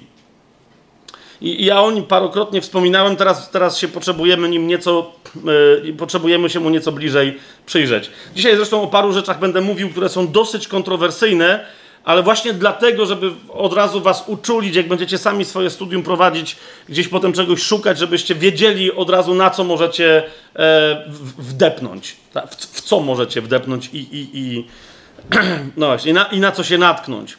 Otóż oryginalna koncepcja tego tak zwanego sekretu mesjańskiego e, to jest dopiero 1901 rok. Był taki luterański, chy, chyba luterański, no bo jaki? Pewnie, stawiam dużo, że to był luterański teolog, Niemiec, Wilhelm Wrede się nazywał. Łatwo zapamiętać, bo e, ta jego koncepcja była dosyć wredna, więc, yy, więc wredna koncepcja wredego, ok? Oryginalny sekret mesjański. Otóż jego koncepcja była taka, bo wiecie, pewna, e, pewne całe grupy teologów biblijnych zasadniczo, nie wiem czemu się nazywają teologami i po drugie biblijnymi, bo fakt, yy, jedyne co ich wiąże z, z, Pismem Świętym, to jest to, że, że, że próbują go wykorzystać do tego, żeby odrzeć chrześcijaństwo z prawdy, e, zasugerować, że Jezus nie był Bogiem. No wiecie, tego typu koncepcje. Zasadniczo, żeby zaatakować czyjąś wiarę, a, a nie żeby to, to miało cokolwiek wspólnego z wiedzą teologia na temat Boga, rzeczywistej wiary chrześcijańskiej i tak dalej. Więc tenże Wrede w 1901 roku, to było parę lat przed jego śmiercią, wysunął taką koncepcję, że Jezus zasadniczo w ogóle nie wiedział, że jest Mesjaszem. Rozumiecie? I że dowodem na to jest Ewangelia Marka szaleństwo. Że nie jak ktoś czytał Ewangelię Marka, to jest takie, no oczywiście, oczywiście. A on mówi, że e, czytaj uważnie. Jezus nie bardzo wiedział, że jest Mesjaszem i może nawet by się nie dowiedział, gdyby nie to, że pewne okoliczności zasugerowały, że chyba jest, no to w sumie się zgodził. E, wiecie, taka koncepcja, że e, mm, odkrywał swoją tożsamość. Dlaczego? Jak, jak to uzasadniał, ponieważ mówił w całej tej Ewangelii, jak w żadnej innej, w innych też, ale ta Ewangelia wyraźnie pokazuje, że Jezus cały czas wszystkim zabrania mówić, że jest Mesjaszem. Zabrania komukolwiek, e, kiedy wyrzuca demony i one mówią, o wiemy kim jesteś, mówi zamknąć się, nie gadać tego. Uzdrawia chorych, czy na przykład wskrzesza córkę Jaira, mówi wszystkim, którzy są albo są uzdrowieni, albo na przykład rodzicom, Yy, także dziewczynki, wszystkim innym mówi, żeby absolutnie nikomu o tym nie mówili. No i wreszcie trzecia grupa to są uczniowie, którym to Jezus mówi wyraźnie, nawet po tym jak yy, Szymon Piotr wyznaje, ty jesteś Chrystusem i Jezus mówi, no to nikomu o tym nie mówcie. Tak? No i Wrede stwierdził, najwyraźniej Jezus nie był pewny, czy jestem Chrystusem, to nie chciał się za bardzo obnosić. Tak? Potem się pojawiły... Ja wiem, że teraz bardzo upraszczam, ale z drugiej strony... Yy, no jakby ktoś chciał szerszą, nie wiem, czy się komuś zaraz będzie chciało znaleźć Wredego i poczytać dokładniej, o co mu w tej dziwnej historii chodziło, zwłaszcza, że ta koncepcja mniej więcej do 20 lat XX wieku się, wiecie, była przejmowana i niektórzy entuzjastycznie, zwłaszcza właśnie tam pewne protestanckie kręgi, mm, mamy kolejną nowinkę, którą się możemy dzielić, ale później nawet nie do końca wierzący, ale uczciwi badacze e, stwierdzili, że, że to się naprawdę kupy nie trzyma. Tak? Znaczy, to po prostu jest, to, to jest, w żaden sposób nie da się tego, nie, nie da się tego uzasadnić. Niemniej, sekret mesjański tak się niektórym spodobał, że, wiecie, pojawiły się kolejne wersje. Czemu Jezus w Ewangelii Marka rzeczywiście, bo rzeczywiście, tak często i gęsto i intensywnie zabrania mówić, e, e, zabrania mówić, że jest, e, że jest Mesjaszem. Więc teraz zajmijmy się tym, dlaczego Jezus rzeczywiście y, tak robi i dlaczego Marek to tak mocno podkreśla. Okay? Jeszcze raz, te trzy grupy, które wam wymieniłem, y, demony, którym Jezus zakazuje mówić o sobie, y, chorzy i wiecie, ludzie związani z cudami, którym to ludziom lub świadkom tych ludzi uzdrawianych Jezus zakazuje i trzecie uczniowie. Tak? Dla, dlaczego? Pierwsza podstawowa rzecz – według mnie nie ma za specjalnie związku pomiędzy tymi grupami. Czy to jest jasne, co mówię? Tak? Czyli jeżeli Jezus tym ludziom, demonom, uczniom yy, zakazuje mówić o sobie, to, to zawsze patrzmy dokładnie, czego zakazuje, tak? I potem zastanówmy się, dlaczego. Czy istnieje wspólne podłoże? Według mnie nie. Przyjrzyjmy się szybciutko yy, demonom, tak? E, nie, nie, będziemy wszystkich podawać, wiecie, e, e, cytatów, ale chociażby od samego początku, tak? Pierwszy rozdział, 25 werset, zaraz początek działalności Jezusa, tak? I on wyznacza pewien trend. Zaczął krzyczeć, pierwszy rozdział, 24 werset, zaczął krzyczeć demon, cóż my z tobą mamy, Jezusie z Nazaretu, przyszedłeś nas zniszczyć, wiem kim jesteś, świętym Boga. Jezusowa reakcja jest bardzo prosta. Pierwszy rozdział, 25 werset. Zgromił go Jezus, e, zamilcz i wyjdź z niego. I, jeszcze raz, sprawdźcie, to jest bardzo, bardzo mocne słowo w języku greckim. Ono na przykład się pojawia u Pawła, kiedy Paweł tłumaczy na, na grekę lub ktoś dla niego tłumaczy na grekę e, przykazanie jeszcze ze Starego Testamentu pochodzące nie zamkniesz pyska albo nie zawiążesz mordy wołowi mucącemu tak? To tu jest dokładnie ten sam czasownik, tak? Zawiąż mordę. Zawrzyj pysk. No nie, rozumiecie, to jest, to jest, to jest taka moc, tak? Wziąć kogoś za, za pysk i po prostu mm, chce, chce, czy nie chce, nie może się odezwać. To, to jest to, co robi Jezus. Mówi, zamilcz, pierwsze zamyka mu japę, żeby więcej nie gadał i wyjdź z niego niemy, demonie. Jezus potem tak często robi. W 34 wersecie pierwszego rozdziału znajdujemy taki komentarz. On zaś, Jezus, uzdrowił wielu cierpiących na różne choroby i wypędził wiele demonów, a nie pozwolił demonom mówić, bo go znały. Teraz e, niektórzy mówią, że no, no właśnie, czyli Jezus e, zakazał im, bo one by powiedziały, że on jest Chrystusem, że on jest. Zauważcie, już nawet ten demon tutaj, jeszcze raz w 25, 24 wersecie, zauważcie, że on nie, nie wyznaje jasno Jezusa. One wiedzą o nim. ok? One wiedzą o nim. Tak samo jak później pamiętacie w dziejach apostolskich pojawiają się e, e, egzorcyści, synowie Scewy, tak? I oni wypędzają jakiegoś demona i ten demon im mówi e, Jezusa znam i o Pawle wiem, a wy kto jesteście? I im wczaskał po prostu, tak? To jest to, tak? Mm. Znam Pawła i wiem, że on w imieniu Jezusa występuje, ale wy jesteście jakieś łajzy i wciry. Okay? Więc, więc, więc to jest to, jak demony znają Jezusa. Tak? Jeżeli jesteś wierzącym, nowonarodzonym, chodzącym w mocy, w autorytecie imienia Jezus chrześcijaninem, to ciebie również demony znają. Tak? Po prostu chrześcijanie są dobrze znani w piekle. Bardzo dobrze. Tak? I na ziemi, że tak powiem, w środowiskach Y, demonicznych, tych demonów, które, które tu jeszcze działają i funkcjonują. Tych, y, Ewangelia Marka raczej nazywa demony nieczystymi duchami, tak? Nie będziemy, dzisiaj nie mamy czasu, żeby sobie powiedzieć, czy jednak istnieje jakaś różnica między, między nieczystym duchem, demonem, a na przykład upadłym aniołem, tak? Ale e, po prostu nie mamy czasu, ale, ale myślę, że, że to jest studium warte samo w sobie, żeby zobaczyć, czy aby rzeczywiście to, są, to jest ten sam rodzaj e, istot. Niemniej, tak, Jezus zakazuje im mówić. Zobaczcie czwarty rozdział.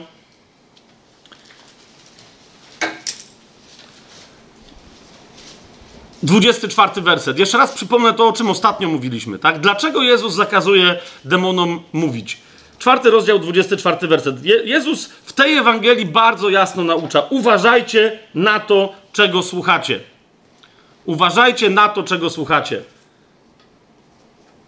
Demony, duchy nieczyste, ktokolwiek to tam nie jest, e, to są współpracownicy bezpośrednio posłuszni i poddani e, szatanowi, o którym Biblia w innym miejscu mówi, że jest ojcem wszelkiego kłamstwa. Tak? Dlaczego więc Jezus miałby w ogóle narażać ludzi, którzy byli świadkami wypędzania takich demonów, na cokolwiek, co one będą mówić? Rozumiecie o co mi chodzi? Dlaczego?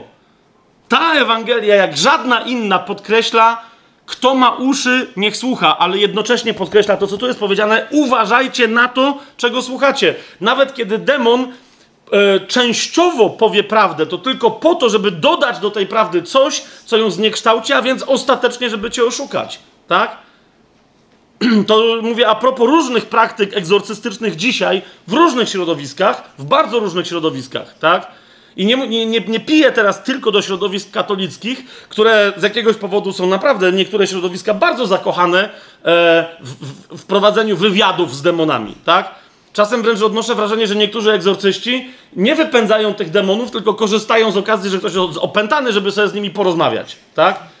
Serio, E, jedyne miejsce, gdzie Jezus e, wszedł w coś, co mogłoby wyglądać jak dialog, że się tak wyrażę, to, to jest to niezwykłe, niezwykłe w sensie, że wiecie, w sensie skali tego opętania, opętanie Gerazeńczyka, pamiętacie to w Ewangelii Marka, czyli tego gościa, którego jak Jezus uwolnił, to demony weszły w 2000 świń, tak?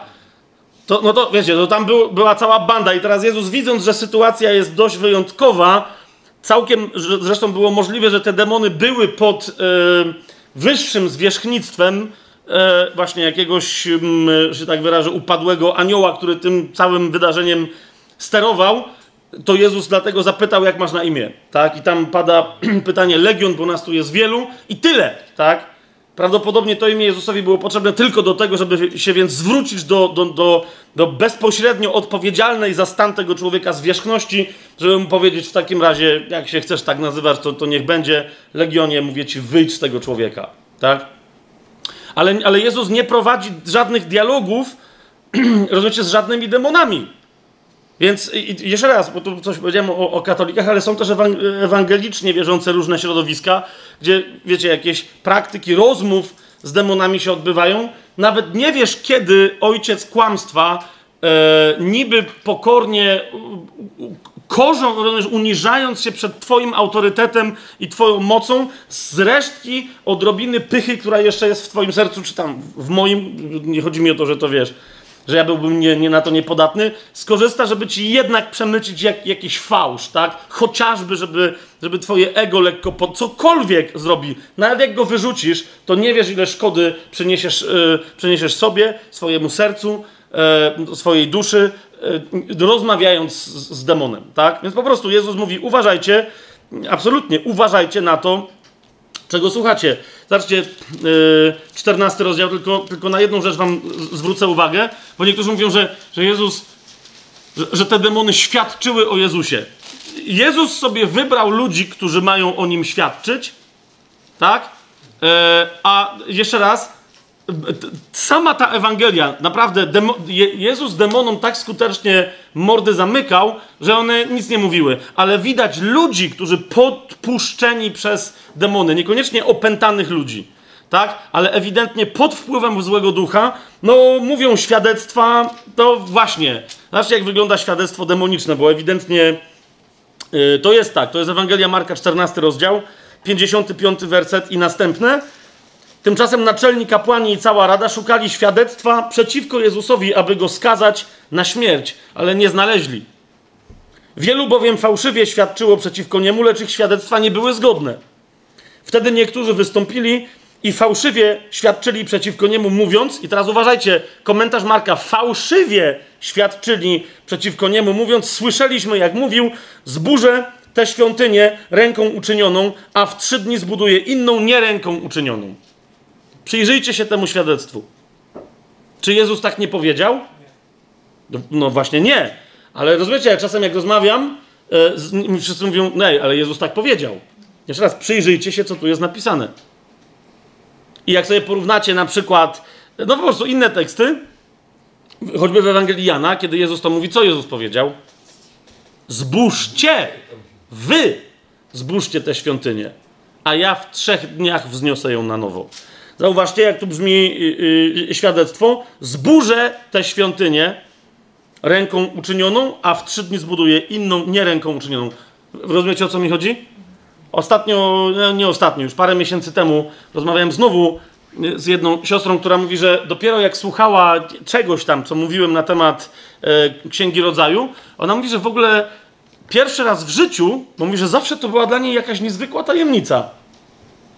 I ona pierwszy raz w życiu zrozumiała, że drzewo poznania dobra i zła nie stało w środku ogrodu. Tak? Bo ona, rozumiecie, za każdym razem, jak myślała, gdzie stało to drzewo, to ona myślała jak? Tym kłamstwem, które, które wąż starodawny sprzedał Ewie. Że to jest drzewo, które stoi w środku ogrodu, i zapominała sobie za każdym razem, co czytała wcześniej w opisie, że w środku ogrodu stało drzewo żywota, tak jest, drzewo życia, tak? A drzewo poznania dobra i zła stało gdzieś tam. Natomiast to diabeł przyszedł i powiedział Ewie, hmm? i myślę, że od tej pory jedną z kar, jako, jakie mają kobiety, to jest to, że nie do końca czytają mapy, no nie? E, za to, właśnie, właśnie za to. Nie chcę teraz zabrzmieć, że jakiś seksista, to był żart, wybaczcie mi. E, po e, dzisiejszym wykładzie zapraszam do kolejki, można mnie policzkować, będę nadstawiać e, drugi policzek. To mówiłem do dziewczyn, nie do was, panowie. Więc, więc jeszcze raz, wiecie, to jest. I teraz patrzcie na, na komentarz w 59 wersecie. Wie, wiecie, gadali, uderzyli nawet w to, co Jezus mówił, ale jeszcze raz, i tak ich świadectwo nie było zgodne. I tak ich świadectwo nie było zgodne. Zobaczcie, 15 rozdział. Patrzcie, tam są, masz tam ludzi, którzy, którzy idą dalej, tym, mówią o tym, odnoszą się do tego, co Jezus mówił. To jest to. Jakie to jest świadectwo? 15 rozdział, 29 werset. Jezus tam już wisi na krzyżu, a ci, którzy przechodzili obok, bluźnili mu, kiwając głowami i mówiąc: Ej, ty, który burzysz świątynię i w trzy dni ją odbudowujesz. Widzicie o co mi chodzi? Już, już pomijam, że to nie, nie on coś burzy, ale, ale oni cały czas się odwołują do, do tego, do zapowiedzi Jezusa, że on umrze i zmartwychwstanie. Rozumiecie? I oni wykorzystują tę zapowiedź do czego? Do tego, żeby Jezusowi bluźnić. To jest ewidentnie pod, pod wpływem e, złego ducha zrobione. Ej, ty, który burzysz świątynię i w trzy dni ją odbudowujesz. 30 werset. Ratuj samego siebie i zejdź z krzyża. Hmm? Jeżeli diabeł zaczął podejrzewać i się zorientował, ej, że coś tu nie gra, to to jest ten moment. To jest, to, to jest ten moment, tak? To musiało do niego, coś tu nie gra. Coś mi się wydaje, że, że już kończę tego chłopa, a coś mam dziwne przeczucie w nerach, że on nie kończy. Rozumiesz? Zauważ, jakie to jest kuszenie. Jeżeli gdzieś Jezus, wiesz, on się tu w ogóle nawet, Biblia mówi, że on tego nawet nie potraktował jako kuszenie, tak? Pustynia to było raz, dwa to było Getsemani, kiedy był straszony. Tu już nie, po prostu. I ta pewność Jezusa musi diabła przerażać, tak? Zejdź z krzyża. Mówi, zejdź z krzyża. Jezus wtedy by uratował tylko i wyłącznie samego siebie. Wszyscy, którzy tam stali, padliby na twarz, powiedzieli: Najmocniej przepraszamy. Rzeczywiście jesteś Bogiem wcielonym. Wow! Tyle tylko, że ten moment, który był przewidziany od początku świata, żeby nas zbawić i nas uratować, byłby zaprzepaszczony. Rozumiecie o co chodzi? Więc, więc zauważ, jak może wyglądać demoniczne, demoniczne świadectwo. Absolutnie zawsze będzie prowadzić do najgorszego możliwego rozwiązania. Dlatego, według mnie, nie będziemy nawet tego tematu rozważać, bo myślę, że jest oczywisty. Tak? Dlatego Jezus zakazuje mówić demonom i niech to będzie dla nas na dzisiaj też bardzo istotna lekcja. Nie rozmawiamy z demonami, bo nie ma o czym. Tam są same kłamstwa, nawet jeżeli czasem takie kłamstwo mogłoby wyglądać na objawienie jakiejś rzekomej yy, prawdy. Druga grupa. Dlaczego Jezus ludziom, których uzdrawia, yy, lub też ludziom, którzy są świadkami uzdrowień, bardzo mocno surowo nakazuje, yy, żeby go, żeby, żeby o nim nie opowiadali i żeby nie nie roznosili tej wieści gdzieś y, dalej. Wróćmy do pierwszego rozdziału. Jeden z, jeden z y, no, y, pierwszych uzdrowionych, nie, nie pierwszy, bo pierwsza była teściowa Szymona Piotra, ale takie wiecie, takie poważne, no bo ale on miała gorączkę, tak, więc okej. Okay. Niektórzy mówią, yy, to jest bardzo złośliwe, że to się nie liczy, bo to była teściowa, więc to... Yy, ale teraz y, poważnie rzecz, niektórzy mówią, że, że nie liczy się jako uzdrowienie e, to uwolnienie teściowej od gorączki, dlatego że wygląda na to, że Jezus po prostu e, wy, wyrzucił, zgromił złego ducha, czy ducha nieczystego, który ją gnębił przy pomocy gorączki i że to nie w, w tym sensie nie było jakby, wiecie, uzdrowienie sensu stricto, tak? Więc mówią, że, że uzdrowienie trendowatego w tym pierwszym rozdziale dopiero jest właściwym uzdrowieniem. Nawet gdyby, w sensie jednostkowo opisanym, bo uzdrowień wcześniej już jest mnóstwo. Ale mniejsza o to. Zauważcie, Jezus uzdrawia trendowatego. Yy, I teraz mamy 43, pierwszy rozdział 43, 44 i 45. Yy, zaraz po tym, jak go uzdrowił, Jezus surowo mu przekazał i zaraz go odprawił, mówiąc: Uważaj, abyś nikomu nic nie mówił ale idź, pokaż się kapłanowi i ofiaruj za swoje oczyszczenie to, co nakazał Mojżesz, na świadectwo dla nich. Ale on odszedł i zaczął bardzo to rozpowiadać i rozgłaszać, tak że Jezus nie mógł już jawnie wejść do miasta, ale przebywał na zewnątrz, w miejscach odludnych. A ludzie zewsząd schodzili się do niego. I niektórzy mówią, że Jezus yy, no po prostu nie chciał, żeby o nim rozpowiadać, bo chciał się swobodnie przemieszczać, nie chciał być celebrytą, e, jakieś tego typu koncepcje. E, zapewne. Tylko jak widzicie, tak czy siak wieści się roznosiły e, i to byłoby bez sensu, żeby Jezus w kółko powtarzał ludziom, nie gadajcie o mnie i tak. To, to nie, nie jest według mnie właściwe e, e, uzasadnienie w tej konkretnej sytuacji. Otóż w tej konkretnej sytuacji wyjaśnienie, jak sądzę, znajdziemy w księdze kapłańskiej, czyli w trzeciej Mojżeszowej.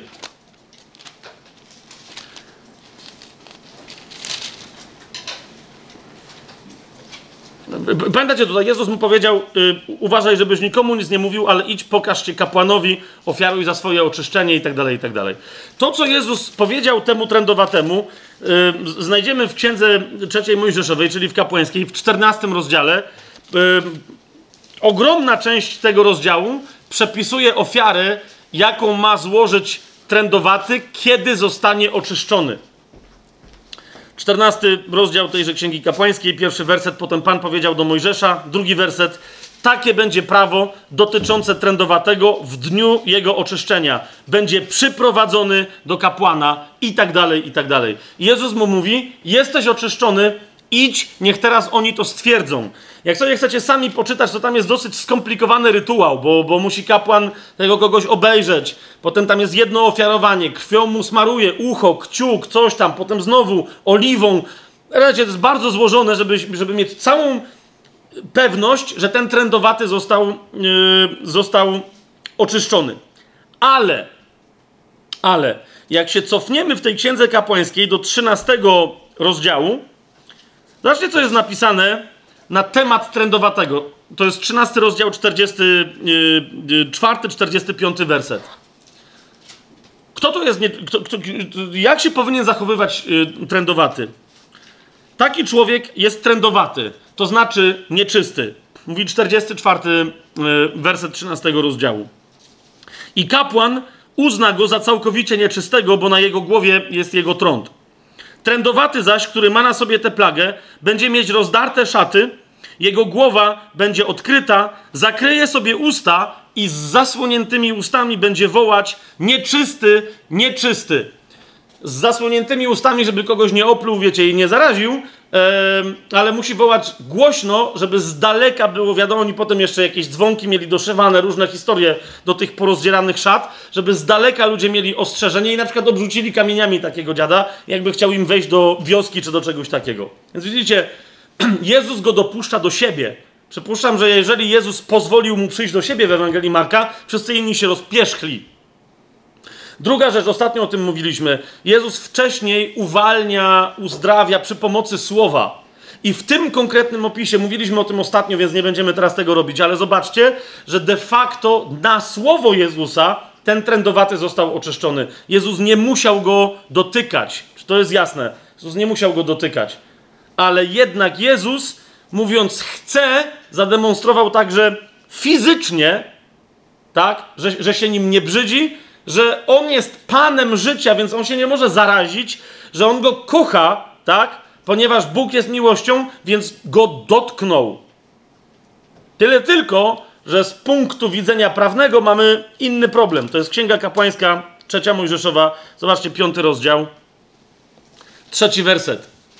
Jeżeli ktoś dotknął jakiejkolwiek nieczystości ludzkiej, teraz nie będziemy rozwijać, ale rozumiecie, że trąd był jedną z, z, tych najbardziej nieczystych nieczystości. Jeżeli ktoś dotknął jakiejkolwiek nieczystości ludzkiej, przez którą stanie się nieczysty, a nie jest tego świadomy, ale potem się o tym dowie, będzie winny. I teraz chodzi, i teraz w, w, czym jest rzecz? Że żeby się oczyścić, taki ktoś musi się usunąć. Bo teraz wiecie, prawo, nie, nie będziemy pokazywać całego, wiecie, problemu, tak? Ale sęk w tym, że taki ktoś, skoro się dotknął trędowatego, nie chodzi tylko o jego nieczystość rytualną, a więc, że inni nie mogą się go dotykać i tak dalej, ale też musi się usunąć, jakby był trędowaty, na miejsca odludne i tam określoną, określony y, czas, tam był tydzień i później odczekać i dopiero potem pokazać się kapłanowi i tak dalej, i tak dalej, żeby, żeby było jasne, że się nie zaraził, tak? Według mnie to jest najprostsza, najprostsze wyjaśnienie, dlaczego Jezus mu surowo przykazał, tak? Po pierwsze, idź, pokaż się kapłanowi. Po drugie, nikomu nie mów, co się stało, tak? Że ciebie dotknąłem, ponieważ zamiast normalnie, swobodnie chodzić, ja się będę musiał usunąć. Przeszkodzi mi to w mojej misji. Tego gościa to najwyraźniej nie interesowało. A więc widzicie, to jest zupełnie inna podstawa. Jezus w wielu sytuacjach mówi, yy, zakazuje ludziom mówienia, jak coś zrobił, ponieważ Jezus zachowuje, że się tak wyrażę, ducha prawa, e, ale nie zachowuje litery tam, gdzie wie, że tego prawa de facto nie łamie. Prawo mówiło, żeby nie, wiecie, nie dotykać się e, rzeczy, którymi można by się było zarazić i tak dalej, i tak dalej. Czemu? No, no właśnie, żeby się nie zrobiło z jednego przypadku, żeby się nie zrobiła epidemia. Po to było wiele tych praw takich społecznych, higienicznych i tak dalej. Tak?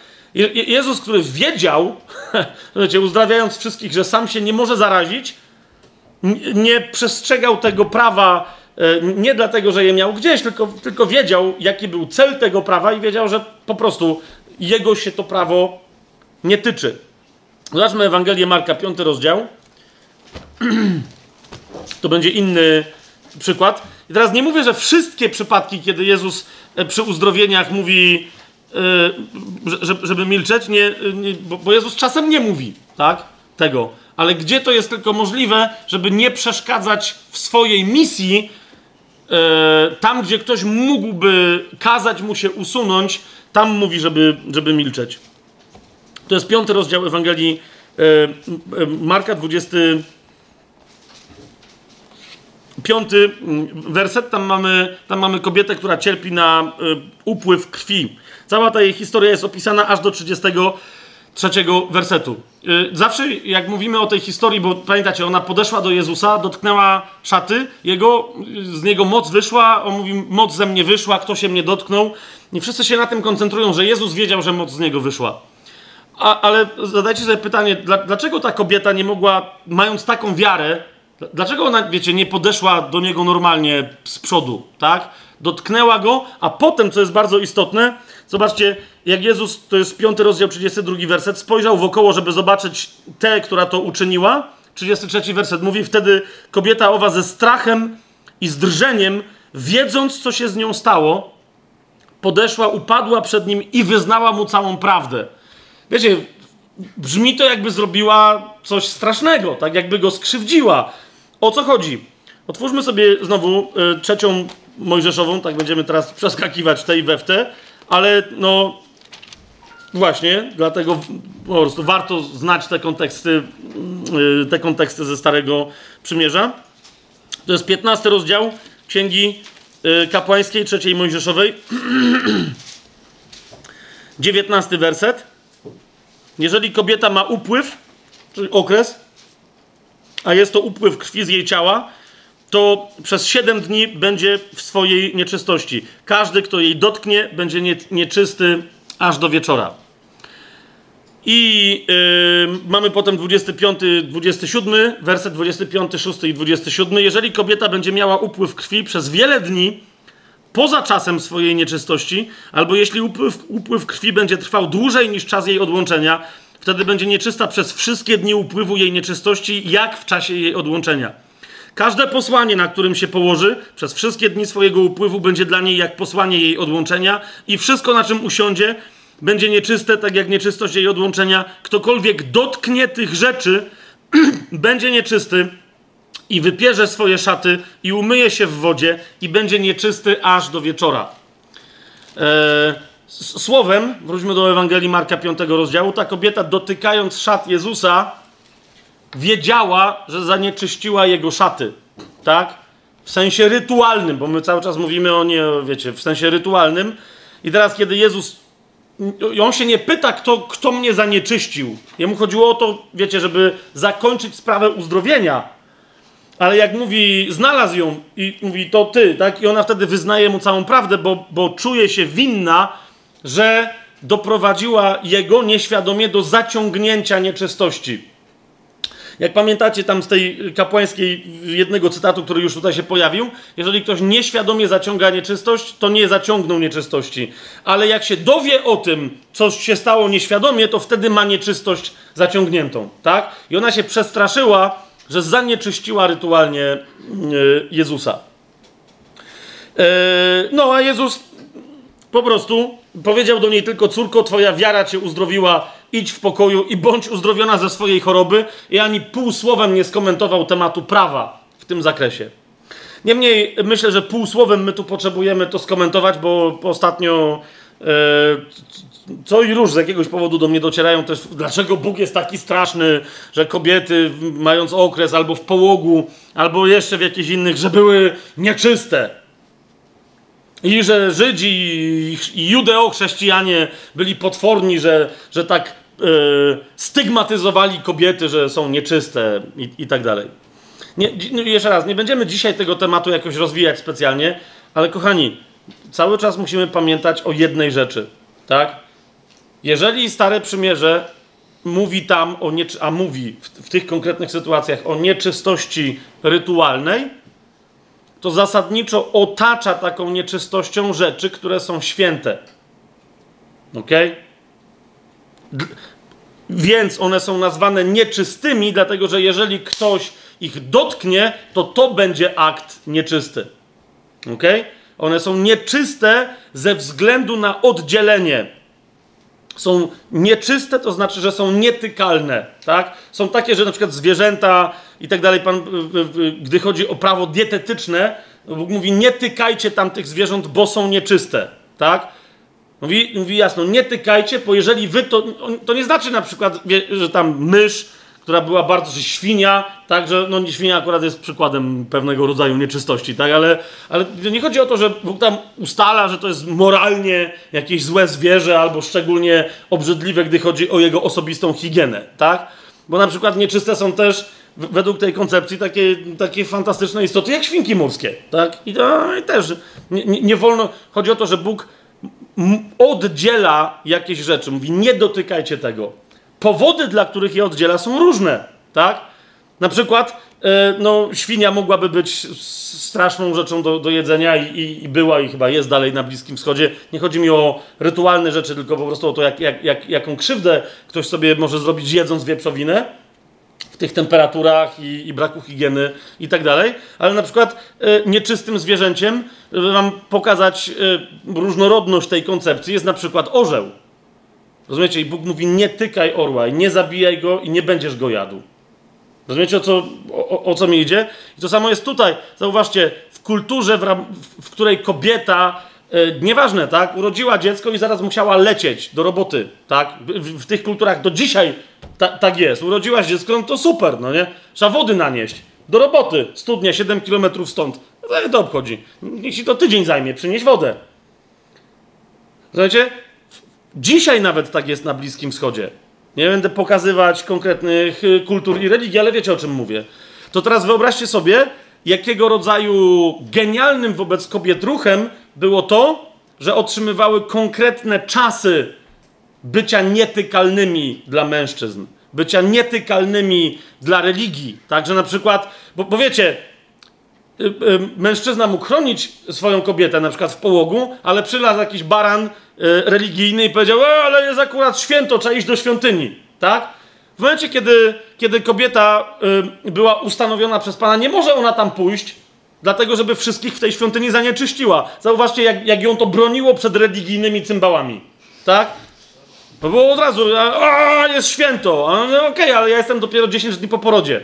Ani mi się waż zbliżać do świątyni. Dziękuję. Wiecie o co mi chodzi?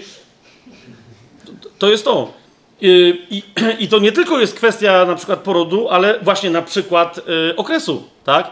Kobiety wtedy były pod szczególną ochroną. Jeszcze raz zauważcie, jaki był skutek tego przepisu, a nie koncentrujcie się y, na, na tym, jakim słowem tam się ktoś posłużył, tak? Bo tam szło, nieczystość oznaczała nietykalność, tak? A nie nieczystość, że nie wiem, że okres to jest coś naznaczającego kobietę i że to jest jakiś brud, albo że rodzenie dziecka to jest jakaś ochyda. To jest absolutnie, kompletnie nie o to chodzi. To wrogowie Biblii wrogowie Słowa Bożego wymyślają takie idiotyczne, takie idiotyczne koncepcje. Niemniej ta kobieta to jest inna rzecz, tak? Że ona przez 12 lat nie mogła brać udziału, e, wiecie, w oddawaniu czci Bogu i tak dalej, bo, bo rozumiecie, ona tak długo E, nie, mo nie, nie, mogła się wyleczyć, bo ją lekarze cały czas oszukiwali, oszukiwali. E, co z niej mogli, to zdarli, a ona nie wyzdrowiała, tak? Więc widzicie, Jezus, ona była przestraszona tym, że mistrz może jej zarzucić, że ona go zanieczyściła rytualnie i że on teraz będzie nietykalny. Zauważcie, w tym konkretnym przypadku Jezus nic sobie z tego, cały tłum jest tego świadkiem, Jezus nic sobie z tego nie robi, mówi, mówi, mówi niewiasto, bardzo dobrze. Wielka wiara, Twoja wiara Cię uzdrowiła. Idź i bądź wolna od swojej choroby. Tak? Zauważ, automatycznie on ją też uwalnia do tego, że ona z powrotem może wziąć udział w normalnym wielbieniu Boga w świątyni i tak dalej. Swoją drogą, przyjrzyjcie się, bo to bardzo interesująca historia, że Jezus uzdrawia tę kobietę, o której tutaj mówimy, która ma problem E, z tym tak długo trwającym e, krwotokiem, idąc uzdrowić dziewczynkę, która wygląda na to, że tyle żyła, ile ta kobieta chorowała. Tak? Jak, jak sobie sprawdzicie, dlaczego? Bo on, bo on do tej dziewczynki mówi talita. Hmm? Talita kumi. E, to znaczy, że, że ona jeszcze nie miała, ona już była dość duża, jak wynika tu z tych historii, bo sama chodziła, mówiła, Yy, i tak dalej, ale, ale, jeszcze, ale jeszcze nie miała yy, ona okresu, bo cały czas, no właśnie, skoro Jezus ją nazwał Talita, to znaczy, że to była dziewczynka, a jeszcze nie dziewczyna czy, czy kobieta, tak? Więc to jest też jest bardzo mocny, bardzo mocny, bardzo mocna historia, tak? Nie tylko w tej Ewangelii, wiele mówiąca o, o, rozumieniu kobiet przez Jezusa, tak? Pewnych ich duchowości, innego rodzaju właściwości i o ogromnej, która mówi wiele o ogromnej czułości, jaką Jezus miał wobec kobiet, w tym zrozumieniu e, różnych ich, e, różnych ich historii, tak? Eee, ale to jeszcze raz mówię, to, to, to, nie, jest, e, nie jest na dzisiaj. Więc widzicie, tu mamy scenę, kiedy znowu to nie Jezus komuś mówi, żeby zamilkł, tylko ta kobieta e, robi tajemnicę ze swojej akcji, bo ma wielki szacunek do mistrza i dotykając go nie chce go zanieczyścić. Rozumiecie, o co mi idzie? Ale skoro już jesteśmy w piątym rozdziale i mówimy o tej dziewczynce Talita, e, to jest piąty rozdział, zauważcie, 42, 43 werset, Yy, natychmiast dziewczynka wstała i chodziła, miała bowiem 12 lat. No właśnie. A, a, więc, a więc tyle, ile ta kobieta chorowała, Jezus ją, widzicie, wskrzesza do tego, żeby dopiero mogła stać się kobietą, tak? To, co tamte, tamtą kobietę, bardzo kobiece, co ją zabijało, tutaj mamy dziewczynkę, która jeszcze nie y, y, zaczęła miesiączkować, nie stała się w tym sensie dojrzałości fizycznej kobietą. Jezus ją wskrzesza do tego, żeby, żeby kimś takim była. Nieprawdopodobne y, złożenie, sens tych dwóch historii ale 43 werset, bo tu nie będziemy teraz o tym mówić, wtedy przykazał im surowo, żeby nikt o tym się nie dowiedział i polecił, aby dano jej jeść. Dlaczego Jezus nie chciał, żeby się nikt y, o tym dowiedział? A tu wiecie, wskrzeszenie, tak? Bo w 41 wersecie ta dziewczynka była martwa. Zobaczcie, 41 werset. Jezus ujął dziewczynkę za rękę i powiedział: Talita kumi. Dlaczego to stanowi problem? No bo znowu czwarta Mojżeszowa, czyli księga liczb, jak ją sobie otworzycie, dziewiętnasty werset, chociażby, bo to nie tylko ta, ale, ale, ale tu, tu jest akurat bardzo jasno to yy, sformułowane, dziewiętnasty rozdział, jedenasty werset mówi, kto dotknie jakiegokolwiek ludzkiego trupa, będzie nieczysty przez siedem dni. Ok? I, tu, i tu, tu znowu, Jezus by znowu musiał gdzieś tam iść, e, oddalić się, no czekać, aż się, aż się z, tej, y, z tej nieczystości rytualnej tam będzie uwalniać i tak dalej. Jezus po prostu powiedział, nikomu nie mówcie. Ci najwyraźniej go, y, go posłuchali. Nie mówię, że przy każdym uzdrowieniu, kiedy Jezus mówi, nie mówcie o tym, tak jest, ale zasadniczo najczęściej właśnie tak jest. Hmm? Jezus nie chce być wiązany przez te prawa, które zasadniczo tyczyły się nieroznoszenia epidemii, nieroznoszenia jakiejś zarazy. Jest jasne to, to, o czym mówię. Jezus nie chciał być, po prostu chciał być sprawny, zwłaszcza w Ewangelii Marka. Jezus jest, wiecie, jest dynamicznym wojownikiem. On cały czas biega gdzieś, natychmiast się przenosi, właśnie natychmiast, natychmiast, tak, natychmiast wykonuje kolejne działanie, kolejną akcję. On tu wygląda w tej Ewangelii, jakby w ogóle nie spał, prawie w ogóle, tak? W nocy się modli, e, rozważa jakieś rzeczy, widzi, co robią jego uczniowie, którzy gdzieś tam się zmagają, przybywa do nich, pomaga im i tak dalej, i tak dalej. Ale mamy wreszcie tą grupę, którą sobie nazwaliśmy uczniami. Zobaczcie, ósmy rozdział.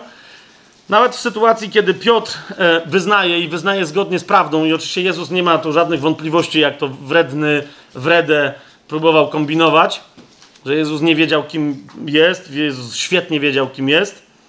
Y, niemniej, rzeczywiście, kiedy Piotr, to jest 8 rozdział, 29 werset, Piotr wyznaje, pyta, a wy za kogo mnie uważacie? A Piotr odpowiada, ty jesteś Chrystusem, z szokującym wyznaniem.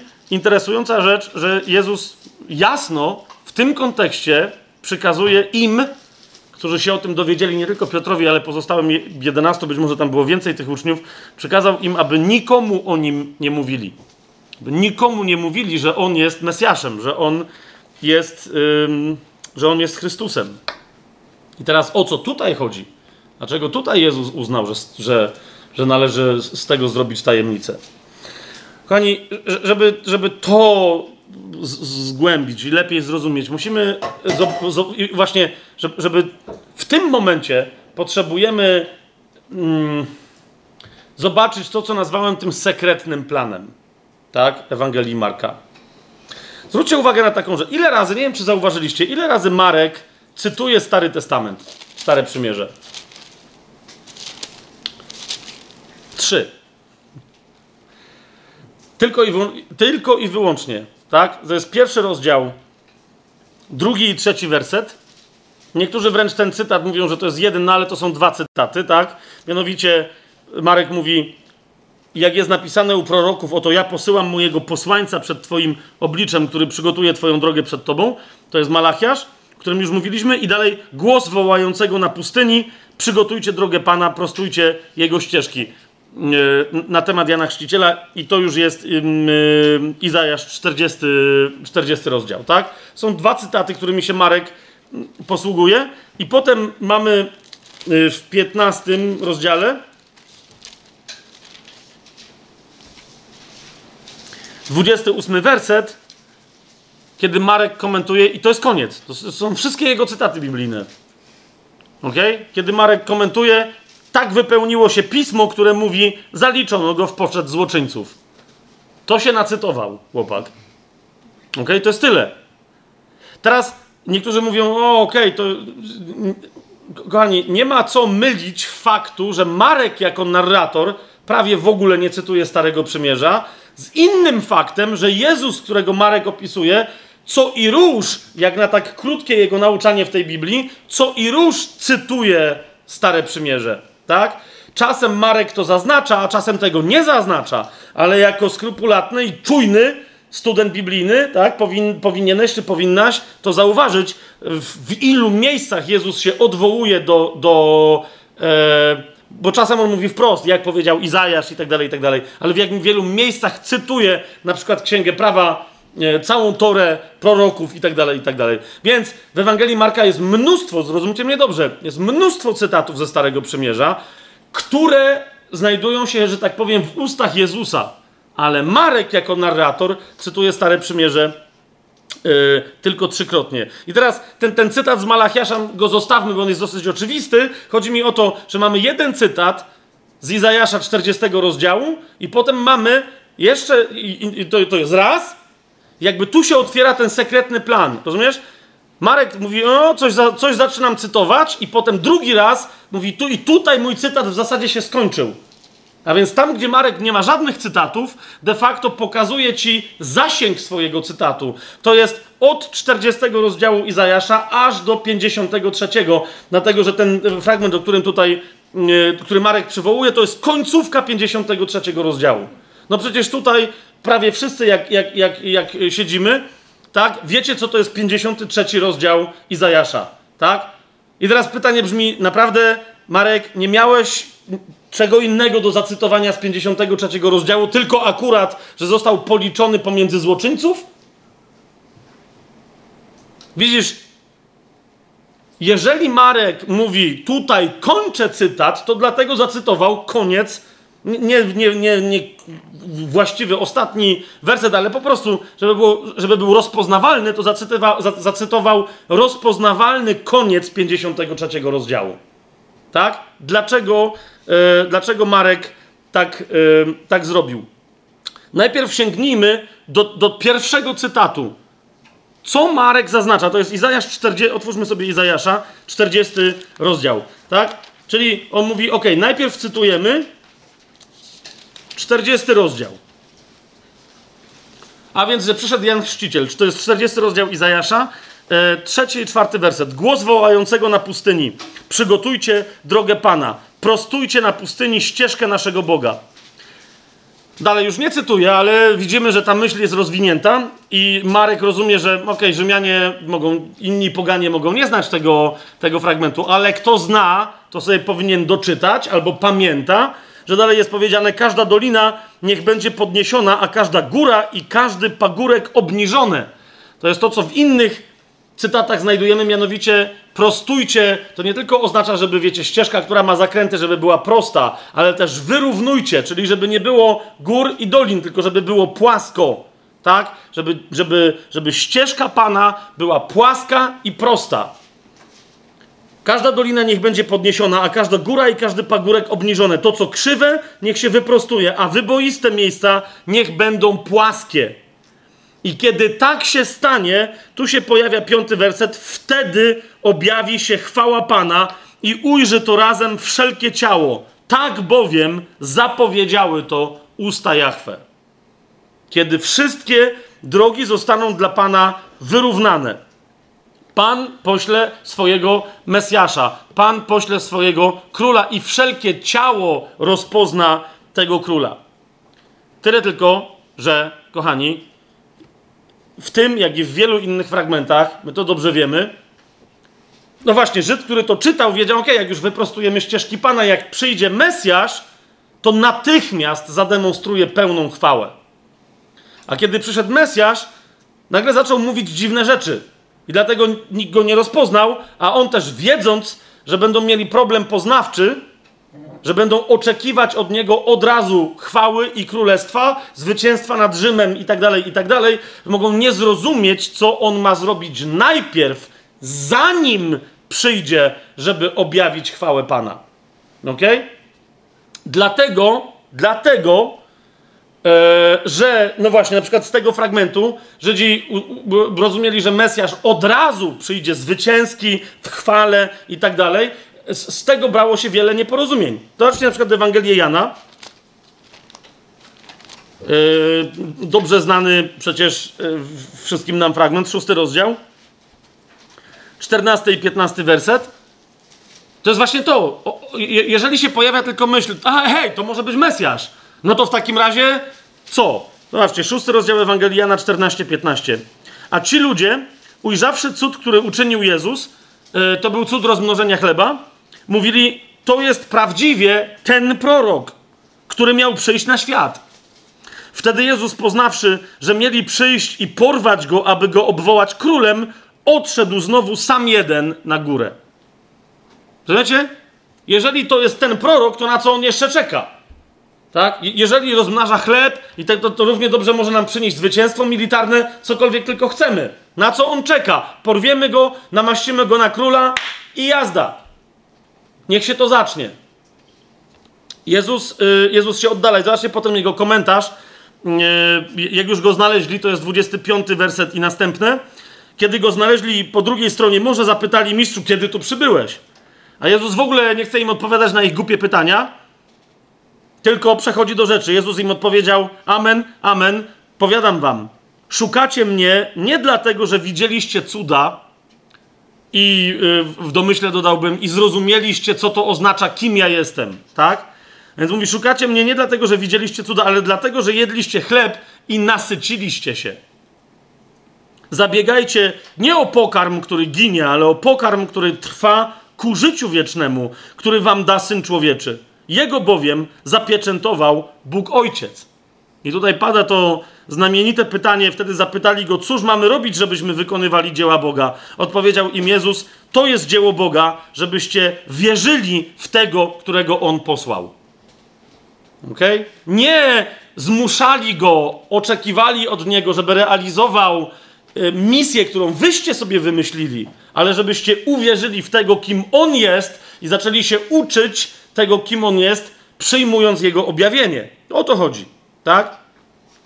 Teraz, więc widzicie, e, Żydzi, na, przykład z tego fragmentu widać to, myślę, dosyć wyraźnie, że oni nie rozumieli, po prostu oni myśleli, no przyjdzie Mesjasz, koniec, tak? Nawali wszystkim naszym wrogom, wygramy i w ten sposób przez zwycięstwo militarne po prostu będzie pokój na całym świecie i my będziemy rządzić wszystkimi. To, to jest tyle, tak? Począwszy od Rzymian, potem jeszcze będziemy innym e, demonstrować swoją siłę. Oni wie, wiedzieli, że Mesjasz ma przyjść w, chwale. Nie wiedzieli tylko, że najpierw Mesjasz musi cierpieć. Ok? Tego, tego nie zrozumieli. Ten, który, o, o, którym ojciec dwukrotnie w Ewangelii Jana, e, w Ewangelii Marka, co jeszcze raz przypominam, to jest pierwszy rozdział, jedenasty werset i dziewiąty rozdział, siódmy werset, tak? Ten, ten, o którym sam ojciec mówi, to jest mój umiłowany syn, przychodzi i realizuje tajemnicę i, i o to chodzi w Ewangelii Marka, zawartą w czymś, co, co dzisiaj nazywamy czterema pieśniami pokornego sługi Jahwe w księdze Izajasza. Marek, wiecie, nie, opi nie opisuje tych, tych pieśni, ale jak je poczytamy, teraz, teraz, teraz wam je pokażę, to, to będzie widać, że Jezus przychodzi zrealizować ten plan, który był tajemnicą. ok? Że on przychodzi najpierw jako pokorny sługa Jahwe. Zresztą to jest interesujące, że wielu, nawet w Talmudzie, komentatorów, e, rabinów mówi wyraźnie o tym, że, że oni czytają i oni to widzieli, tak? Myśmy o tym w paru, już parę razy w czasie tajemnego planu o tym mówili, że oni nie mogli pojąć, oni mówią, jest Mesjasz i to jest Hamashiach, Ben Dawid, syn Dawida. On jest potężny, on zasiądzie na tronie, on, e, nie, żaden wróg mu się nie postawi, on wszystkich pokona ale mówią, ale widzimy inną postać mesjańską, to jest Hamashi i oni teraz mówią, może to będzie jakiś inny Mesjasz, który, który będzie musiał cierpieć. żeby potem ten drugi przyszedł i wygrał. Rozumiecie, im się nie mieściło w głowie, że to może być jedna i ta sama postać, ale, ale po prostu istnieje jeszcze przed przyjściem Jezusa w Talmudzie zapisana, w nauczaniu rabinicznym, koncepcja postaci Hamashia, Mesjasza, Ben Yosef, syna Józefa. Znaczy, oczywiście nie chodzi o to, że, bo my teraz wiemy, że Józef, że, że to był Jezus, syn Józefa, nomen omen, im tam chodziło o to, że to jest, że to jest Mesjasz, syn Józefa, tego Józefa, wiecie, co w Egipcie cierpiał, tak? Niemniej, no tak czy siak się nawet imię złożyło, tak? Że to jest Hamashia, Mesjasz, Ben Yosef, syn Józefa. I oni mówią, kto to, kto to jest? Otóż ten Mesjasz, ten Mesjasz cierpiący u Izajasza, który mówi o chwale, o potędze Boga, o jego absolutnej sile, którą on, którą on zademonstruje, jednocześnie mówi, że ojciec, że Jahwe, święty Izraela, wyśle swojego świętego, który mimo, że będzie miał nieprawdopodobną siłę, będzie reprezentować całą stwórczą potęgę Jahwe, to, to będzie pokorny i da się zamordować. Nieprawdopodobna historia. I teraz Jezus, rozumiecie, między innymi dlatego mówi y, uczniom, mówi, ty powiedziałeś, że ja jestem Mesjaszem do Piotra. Fajnie, sęk tylko w tym, że ty nie rozumiesz, co gadasz. Rozumiecie, o co, o co chodzi Jezusowi? Mówi, jak zaczniecie mówić o mnie jako o Mesjaszu, to tylko dolejecie oliwy do ognia nie, niewłaściwego zrozumienia, co ja teraz robię. Ja teraz przyszedłem pełnić zupełnie inną misję. I dlatego nieco dalej w Ewangelii, tylko nie będziemy tam teraz bo chcę te cztery pieśni y, sługi Jachwy jeszcze wam pokazać, tak? Do, dokładniej. Ale chodzi mi o to, że, że później Jezus wyraźnie, jak schodzą z góry, y, z tej wysokiej góry, mówi do, do Piotra, do Jakuba i do Jana, mówi, nie mówcie nikomu o tym, co widzieliście. Jakby na dodatek do tego, że ja jestem Mesjaszem. Nie mówcie, aż dopóki Syn Człowieczy nie zmartwychwstanie. Tak? Mówił, wtedy dopiero zaczną się rozjaśniać pewne kwestie. Do tej pory nic nie wiecie, co się dzieje. Więc y, otwórzmy sobie Izajasza, żeby się temu y, przyjrzeć. Izajasz ma, y, jak powiedziałem, 40 rozdział. On zapowiada więc, że się pojawi właśnie, że się objawi chwała Pana, ale jaka będzie dynamika tego objawienia? Zobaczcie najpierw 42 rozdział, wersety od 1 do 8. Tutaj Bóg przedstawia swojego sługę. Rozumiecie? I, I teraz my te ja nawet nie będę za specjalnie jakoś wielce komentował, sami to potem zróbcie, ale jak będziecie czytać Ewangelię Marka, miejcie to w głowie, że Marek pokazuje właśnie Jezusa jako tego właśnie proroka, wodza, ale też takiego właśnie pokornego sługę Jahwe i sami wyłapujcie momenty, w których Marek nie dla pogan, ale dla, dla tych, którzy znają Izajasza, tak? Nie cytuje niczego, ale mówi, ej, widzisz to? A widzisz to? A widzisz to? A? A? Taki Marek. Taki Marek. To jest trochę tak, wiecie, jak, jak są w bezbożnym świecie bajki, wiecie, kreskówki, czy jak się tam animacje dla dzieci w kinach. Yy, I wiecie, przychodzą dzieci i tam się cieszą, że coś tam się dzieje. Nie wiem, bo ja tych filmów nigdy za bardzo nie lubiłem. Ale co i różni ludzie mówią, że jak idą z dziećmi, na te bajki to się czują trochę nieswojo. Najpierw trochę śmiesznie, ale jak są wierzący, to trochę nie do końca śmiesznie, bo nagle odkrywają, że w tych bajkach są też, wiecie, teksty dla dorosłych. Wiecie o co mi chodzi, tak? Że dzieci w ogóle nie łapią, co jest grane, a dorośli, okej. Okay. No, więc, więc Marek ma coś takiego. Tu opowiada, wiecie, historię dla pogan, tylko tu akurat u Marka to jest święte, nie jakieś, wiecie, nie, nie, nieczyste, tak? A, a yy, jako dla dzieci duchowych, ale jednocześnie nie cytując pewnych rzeczy, nie mieszając, w tekście jednocześnie zostawia e, po, po prostu jasne ślady i znaki tego, ja wiem i wy wiecie, co jest napisane u Izajasza. Gdzie? No właśnie, pierwsza pieśń y, Sługi Pańskiego, to jest 42 rozdział. Y, róż, róż, różnie, różnie to się nie, niektórzy ciągną tę pieśń, że ona trwa daleko. Najważniej, dla mnie najważniejszy jest zrąb, to jest pierwszych osiem wersetów. Oto mój sługa, którego wspieram, mój wybrany, którego sobie upodobała moja dusza, to mówi Jachwę. Dałem mu swojego ducha, on przyniesie narodom sąd. O kim tu może być mowa? to jest Jezus. Tak? On, on będzie na końcu sądzić wszystkie narody. Dlatego my mamy iść do wszystkich narodów, i, i, i, i czynić z, niej, z tych wszystkich narodów uczniów. Nie będzie wołał ani się wywyższać, nie będzie słychać jego głosu na ulicy.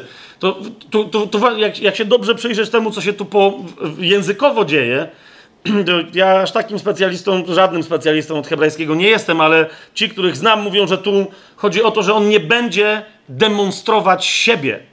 To, to, to o to chodzi w tym fragmencie. Nie będzie wołać ani się wywyższać, w sensie siebie wywyższać. Nie będzie słychać jego głosu na ulicy mówiącego o sobie, prawdy o sobie. Tak? Tylko co będzie robić? Trzciny nadłamanej nie złamie w tym pierwszym przyjściu. Knota tlącego się nie zgasi. Wyda sąd według prawdy. Nie ustanie ani się nie zniechęci, dopóki nie utrwali sądu na ziemi, a jego prawa będą wyczekiwać nawet wyspy.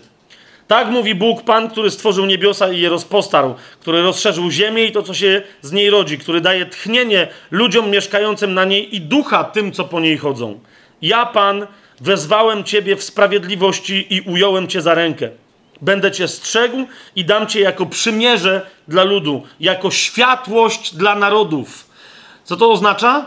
No, tu się pojawia niesłychana historia, której właśnie nie rozumieli, nie rozumieli rozumiecie, komentatorzy rabiniczni. Co, co to oznacza? Że, że, że, że Pan pośle swojego sługę, które stanie się światłością nie tylko dla narodu Izraela, ale dla wszystkich pogan, ponieważ narody w tym kontekście oznaczają wszystkie ludy ziemi, nie tylko naród wybrany. Liczba mnoga, narody zawsze w Starym Przymierzu oznacza pogan. Jasne to jest?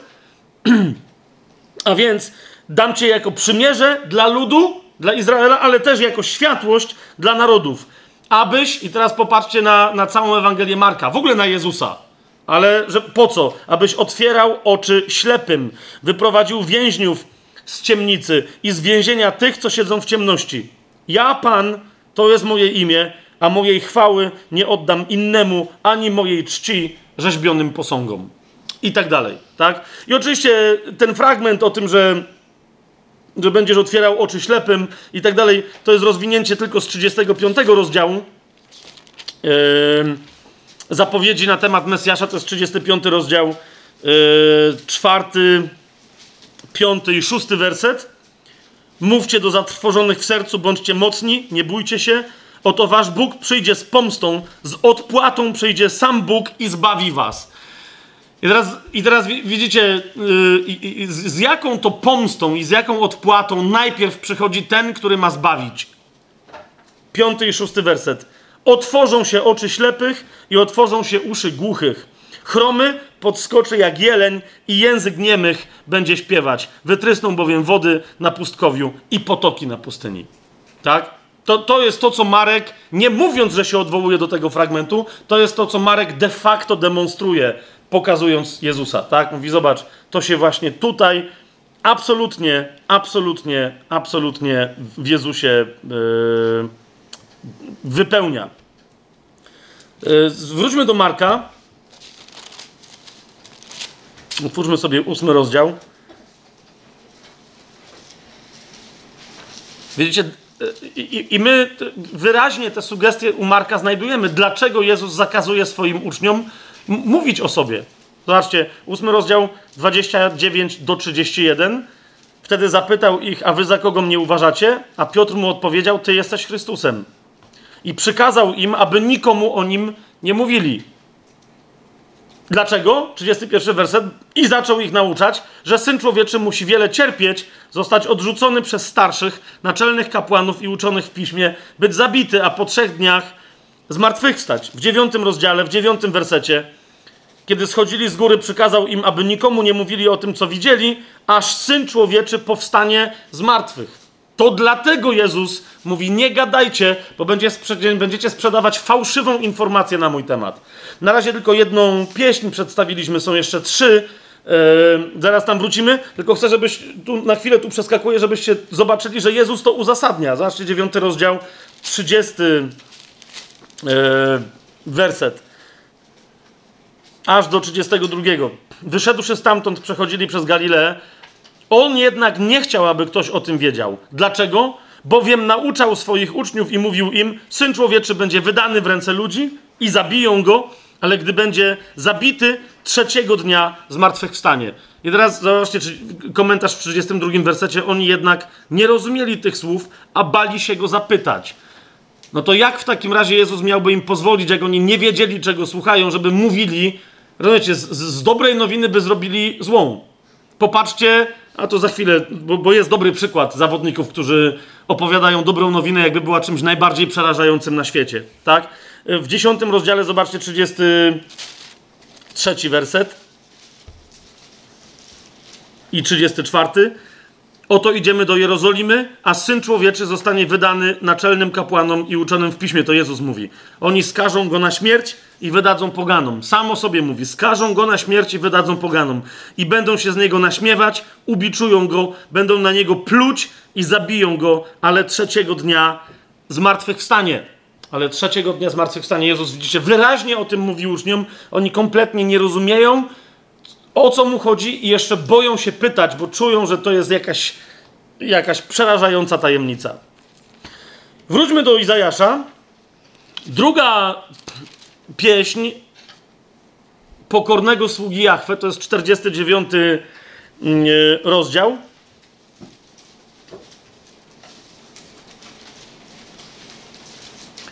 Od pierwszego wersetu. To jest druga pieśń sługi Jachwę.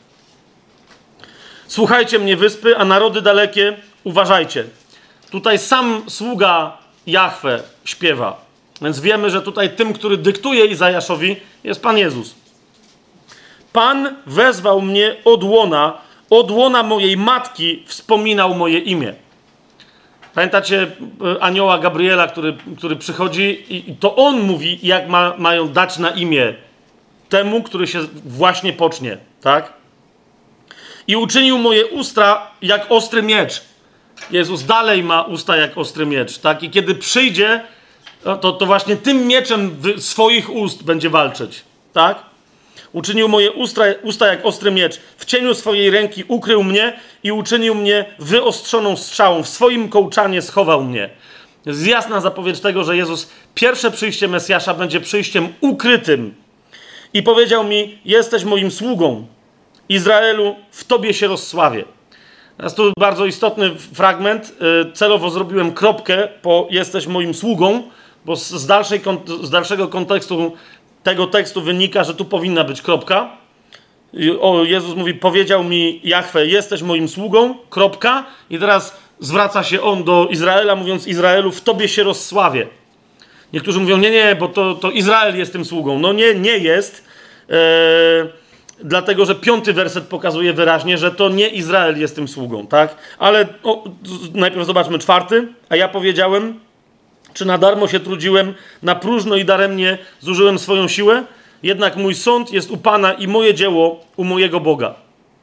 A teraz mówi Pan, który stworzył mnie na swojego sługę już od łona, zauważcie, abym przyprowadził do niego Jakuba, a choćby Izrael nie był zebrany, będę jednak ja wysławiony w oczach Pana, a mój Bóg będzie moją siłą. Widzicie tutaj, że sługa nie jest Izraelem, nie jest Jakubem, tak? I powiedział: To za mało, że jesteś moim sługą, żeby podźwignąć pokolenia Jakuba i przywrócić ocalonych z Izraela. Dlatego ustanowię cię jeszcze raz światłością dla pogan, abyś był moim zbawieniem aż do krańców ziemi. Kolejny raz, ok? Sługa Jahwe musi inaczej działać niż Żydzi to sobie wyobrażali, ponieważ nie działa tylko i wyłącznie na rzecz Izraela, ale działa na rzecz zbawienia wszystkich ludzi, wszystkich pogan. Tak mówi Pan, odkupiciel Izraela, siódmy werset czytamy, jego święty, do tego, którym każdy gardzi i którym brzydzą się narody, do sługi władców, królowie zobaczą cię i powstaną. Książęta oddadzą ci pokłon przez wzgląd na Jahwe, który jest wierny, przez wzgląd na świętego Izraela, który cię wybrał. Zauważcie, mm, co się dzieje na początku tego wersetu. To mówi Pan do tego, którym każdy gardzi i którym brzydzą się narody. Przyjdzie taki moment, przyjdzie taki moment, kiedy, kiedy może już nie być kościoła na ziemi i wszyscy, którzy będą na ziemi, wszyscy będą Jezusem gardzić. I wszyscy władcy narodów będą się nim brzydzić. Był już taki moment, okay, kiedy prawie wszyscy, którzy wiedzieli o nim i go znali, którzy się, że się od niego odwrócili. Teraz zobaczcie trzecią księgę pokornego sługi Jachwę, ukrytego w proroctwach Izajasza. Jest 50 rozdział. Wersety zasadnicze, że tak powiem, ciało tego tekstu to są wersety 4 do 10, jak dla mnie. Pan Bóg dał mi język uczonych, abym umiał znużonemu mówić słowo w odpowiednim czasie. Budzi mnie każdego ranka, pobudza moje uszy, abym słuchał tak jak uczeni. Pan Bóg otworzył mi uszy, a ja się nie sprzeciwiłem ani się nie cofnąłem. I to widzicie, nie tylko 53 rozdział, tak? Ale tu mamy, podałem moje plecy bijącym, a moje policzki rwącym mi brodę. I nie zakryłem mojej twarzy ani przed zniewagami, ani przed opluciem. Bo Pan Bóg wspomoże mnie, dlatego nigdy nie będę zhańbiony. Dlatego uczyniłem swoją twarz jak krzemień i wiem, że nie będę zawstydzony. Jak, jak czytamy Ewangelię Marka, zwłaszcza Ewangelię Marka, za każdym razem, kiedy rozumiecie, coś gadają do Jezusa, coś tam krzyczą na niego, plują na niego, biją go, Piłat się go o coś pyta, Je, Jezus, tam nie ma tego opisu, ale nie możesz zapomnieć o tym, co, o co Marek na pewno miał na myśli, o tej twarzy, którą on sobie uczynił jak krzemień, wiedząc, że nie będzie zawstydzony. To jest to. Jest to. Oni się go pytają, arcykapłan się pyta, czy ty jesteś Chrystusem, synem błogosławionego? I Jezus wtedy odpowiada z tą twarzą jak krzemień. Mówi, ja jestem. Wiedząc, co się za chwilę stanie, że ten rozdarł szaty, słyszeliście bluźnierstwo i tak dalej, i tak dalej. Piłat coś tam gada do Jezusa i wreszcie mówi, czemu ty się nie odzywasz? Jeszcze raz, tam nie ma tego opisu, ale o tej pieśni, trzeciej pieśni Sługi Pańskiego pamiętaj. Uczyniłem swoją twarz jak krzemień i wiem, że nie będę zawstydzony. Blisko jest ten, który mnie usprawiedliwia. Kto będzie się spierać ze mną? Stańmy razem. Właśnie to jest to. Oni wszyscy się chcą kłócić z Jezusem, a, a, a, a on w tej twarzy jak krzemień, twardej, ale spokojnej, ma dokładnie to. Kto się będzie ze mną spierać? Stańmy razem. Kto chce się ze mną prawować, to niech do mnie przystąpi. Oto Pan Bóg pomoże mi i kto mnie potępi? Oto wszyscy jak szata się zestarzeją, a mól ich pożre. Kto wśród was boi się Pana? Kto słucha głosu Jego sługi? To jest to. Tak? Jezus im bliżej jest śmierci, tym mniej mówi, na, zwłaszcza na krzyżu ale cały czas to, co mówi, mówi do tych, którzy chcą słuchać Jego głosu. Mówi, kto słucha głosu Jego sługi? Kto chodzi w ciemności i nie ma światłości? Niechże zaufa imieniu Jahwe i polega na swoim Bogu.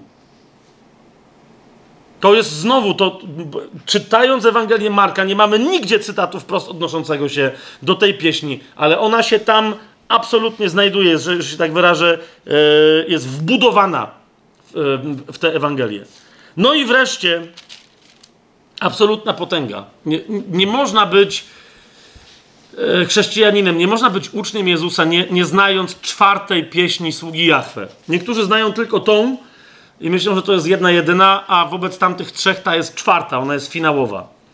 Zaczyna się, to jest Księga Izajasza, 52 rozdział.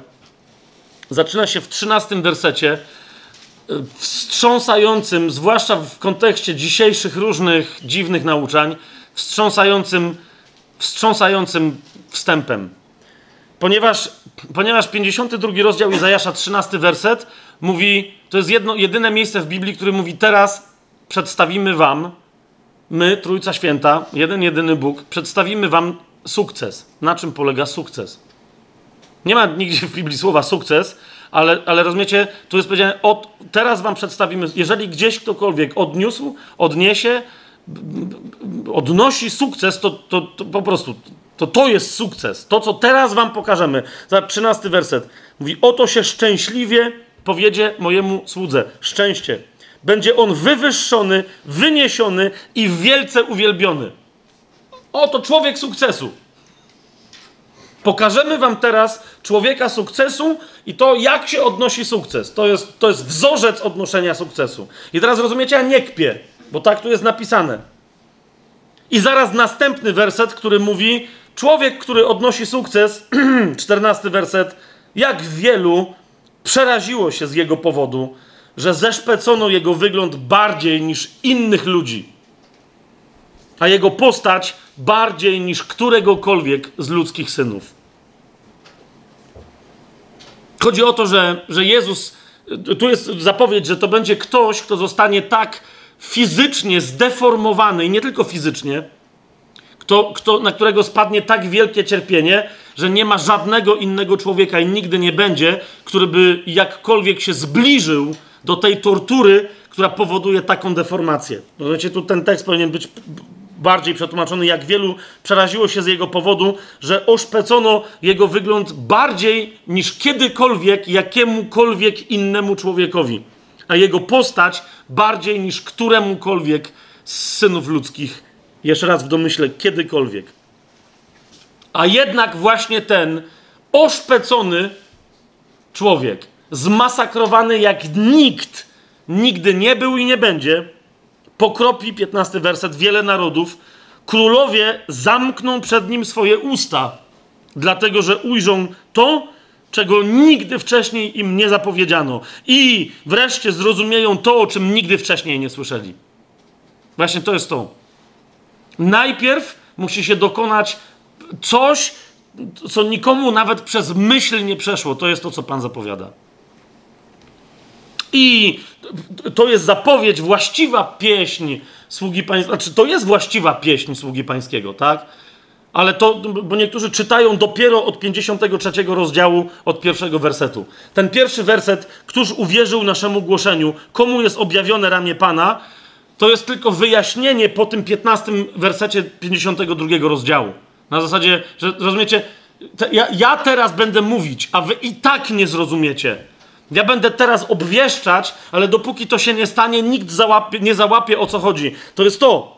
Nawet królowie, najwięksi mędrcy, nikt na to nie wpadł. Nikt na to nie wpadł. Więc dlatego Izajasz mówi, kto uwierzył naszemu głoszeniu i komu jest objawione ramię Jahwe.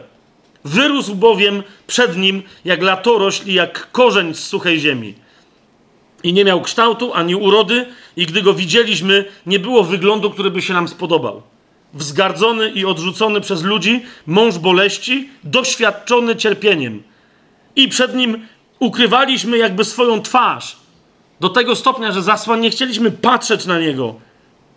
Wzgardzony był przez nas tak, że mieliśmy go za nic. Jezus wiszący na krzyżu, to jest to. Kompletne poniżenie, kompletne ogołocenie, kompletne odarcie z wszystkiego. Zaprawdę Rozumiesz, kiedy, kiedy myśmy go mieli za nic, zaprawdę on wziął na siebie nasze cierpienia i poniósł nasze boleści. A my uważaliśmy, że jest zraniony, uderzony przez Boga i przez Boga utrapiony. To była prawda, tylko że nie załapaliśmy w dlaczego. Ale on był zraniony za nasze występki. Został starty za nasze nieprawości. Kara dla naszego pokoju spadła na niego, a jego ranami zostaliśmy uzdrowieni. I tak to idzie. I tak to idzie.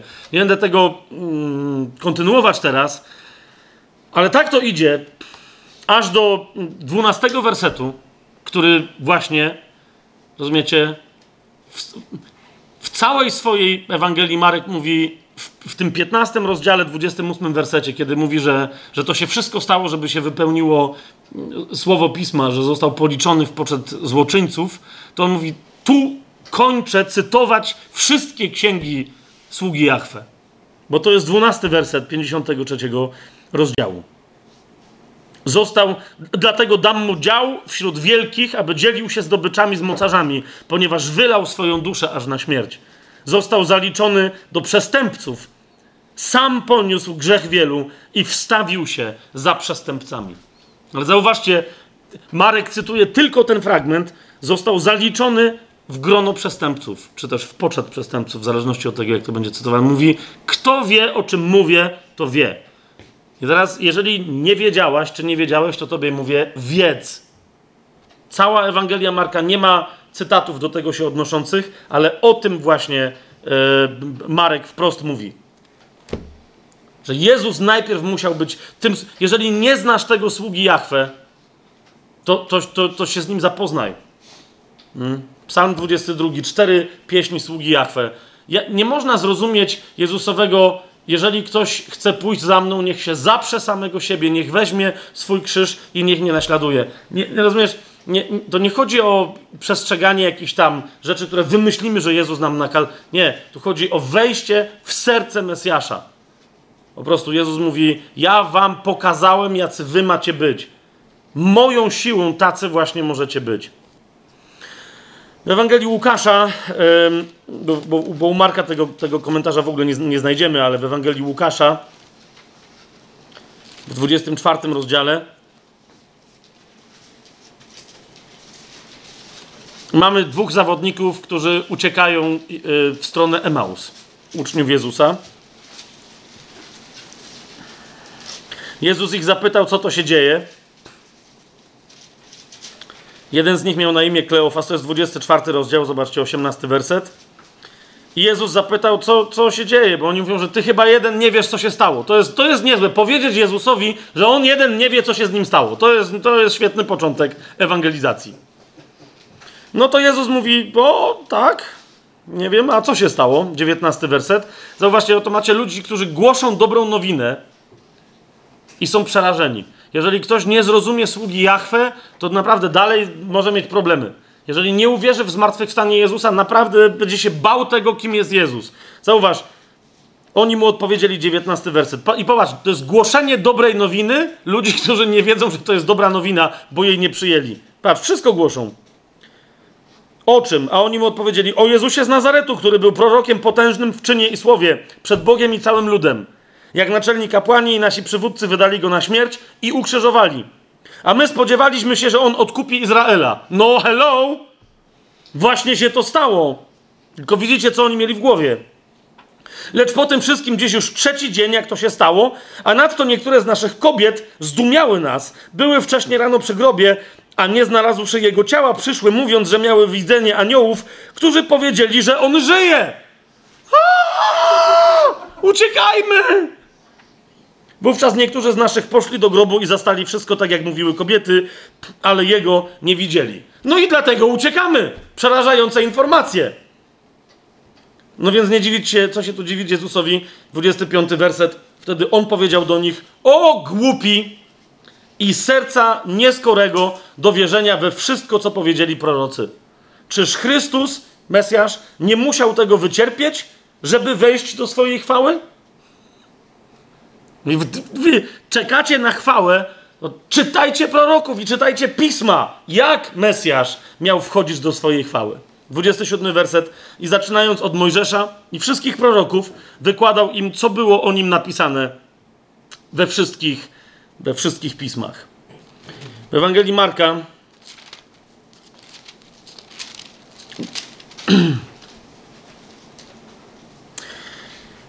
w dziesiątym rozdziale jeszcze raz,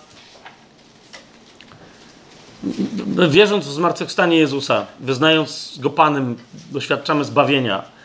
Ale mamy, widzicie, Jezus, ale mamy Go znać jako sługę Po prostu to, to jest, te Ewangelie nas tylko zachęcają do tego, żeby, żeby wrócić do, tam, do tamtych proroctw. Jak Jezus tym opowiadał, Niektórzy mówią, to czemu tu nie ma w Ewangelii Łukasza napisanych tych wszystkich proroctw? Bo je masz w Starym Przymierzu. Bo je masz w Starym Przymierzu. I jeszcze w XXI wieku w Google'ach naprawdę wpisz sobie wszystkie proroctwa Starego Przymierza na temat Pana Jezusa. Nawet nie po angielsku, po polsku. Jak ci się już nie chce samemu czytać, tylko od razu przejść, po prostu wyskoczy ci ich parę dziesiąt do paru set. Dlaczego mamy go znać? jako takiego. Dziesiąty rozdział, 44 werset i następny mówią wyraźnie, to jest wola Jezusa. Kto z was chce być pierwszy, niech będzie sługą wszystkich. Dlaczego? Ponieważ w domyśle ja w was będę mieszkał. Tak? A Syn Człowieczy nie przyszedł, aby mu służono, ale aby służyć i aby dać swoje życie na okup za wielu. I jeszcze raz, jeszcze raz, zobacz, ósmy rozdział, szczyt tej Ewangelii to jest, to jest, to jest, to jest Jezusowy wzorzec jako, jako pokornego sługi Jahwe. Ósmy rozdział, 34 werset i następne. Ktokolwiek chce pójść za mną, niech się zaprze samego siebie, weźmie swój krzyż i idzie za mną.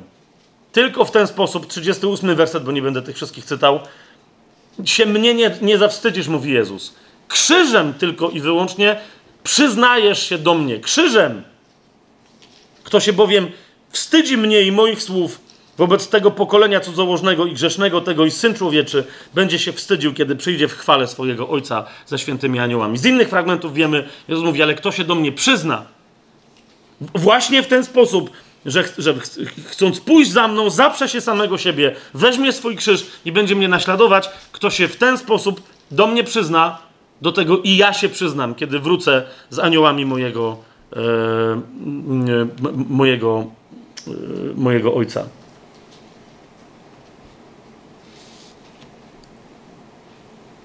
Teraz jeszcze na jedną rzecz. mamy jeszcze czas? mamy, mamy. Na jeszcze jedną rzecz Wam zwrócę uwagę, bo widzicie, nawet jak opowiadamy, już ile razy o tym opowiadaliśmy, e, chcę zwrócić uwagę na jeszcze jedną, więc, więc sekret mesjański, istnieje pewien sekret mesjański w Ewangelii Marka, tak? Sekret mesjański jest sekretem dla tych ludzi, którzy nie załapali e, wezwania, z którym w ogóle Jan Chrzciciel przyszedł. Jeszcze, jeszcze raz, zauważcie, jak się zaczyna Ewangelia Marka. Pierwszy rozdział, drugi werset. jeszcze raz, zwróćcie uwagę, yy, trzeci werset. Głos wołającego na pustyni. Przygotujcie drogę Pana, prostujcie Jego ścieżki. Zastanawiałaś się kiedyś, zastanawiałaś się kiedyś, o co to chodzi? Bo ja mam wrażenie, że my w Kościele cytujemy ten fragment, jakby wiecie, jakby to był taki tekst, który nie ma żadnego znaczenia, tylko chodzi o to, że Jan Chrzciciel miał to powiedzieć. Żeby go rozpoznać, że on przygotował. Ale w jaki sposób on przygotowywał przyjście Jezusa? Zauważcie. Chrzcił, tak? Ludzie przychodzili do Jana wyznając swoje grzechy i, w, i, zarówno w Ewangelii Marka, jak i w wielu innych miejscach Słowo Boże jest klarowne co do tego, nawet dzieje apostolskie, że chrzest Janowy był chrztem na odpuszczenie grzechów. Ok? Teraz, teraz to nie był chrzest, który by prowadził człowieka, to, to nie był chrzest Jezusowy. Dlatego Paweł tym, którzy byli ochrzczeni chrztem, chrztem Janowym, mówi, to nie wystarczy. Musicie się ochrzcić w imię Jezusa. To nie wystarczy. Ale nie zanegował chrztu Janowego. Jezus nigdy nie negował chrztu Janowego. Rozumiesz? Przygotowaniem za... Teraz to wygląda inaczej. Mówiliśmy jakieś tam parę spotkań temu na temat pokuty, na temat upamiętania, tak? Ale chodzi o to, że wtedy wyprostowanie drogi dla Pana to było, to było na, oddanie tych grzechów, które tamci ludzie popełnili, nie całego swojego grzechu, ponieważ baranek, który gładzi cały grzech świata, jeszcze nie został złożony w ofierze. Tak? Ale to było zrobienie wszystkiego, co ci ludzie mogli, żeby siebie wyprostować, żeby Pan do nich prostą drogą przyszedł. Czy to jest jasne, co mówię? I teraz, i teraz jeżeli ktoś nie zrobił tego uczciwie, nie był w stanie, jeżeli nie wyprostował swojej drogi dla Pana, to, to, to dlatego nie był w stanie yy, nie, nie był w stanie go rozpoznać, nie był w stanie rozpoznać tego, co Boża chwała zaczęła robić. Nawet najbliżsi uczniowie, najbliżsi Jezusowi, wybrani przez Niego do grona dwunastu, nie byli w stanie yy, Jezusa rozpoznać. Dlaczego? Zauważcie, otwórzmy sobie Ewangelię yy, Marka, siódmy rozdział. Szósty, siódmy werset. Bo, pamiętacie z innych fragmentów, że do Jana przychodzili też faryzeusze i on mówił, kto wam powiedział, jak się uratować od gniewu, tak? A tu Jezus z tej Ewangelii za, zarzuca im, to jest siódmy rozdział Ewangelii Marka, szósty, siódmy werset, on im odpowiedział, dobrze Izajasz prorokował o was, o błudnikach, jak jest napisane, ten lud czci mnie wargami, ale ich serce daleko jest ode mnie ale na próżno mnie czczą, ucząc nauk, które są nakazami ludzkimi. Tutaj Jezus cytuje Izajasza 29, 29 rozdział. Tak? I to jest to.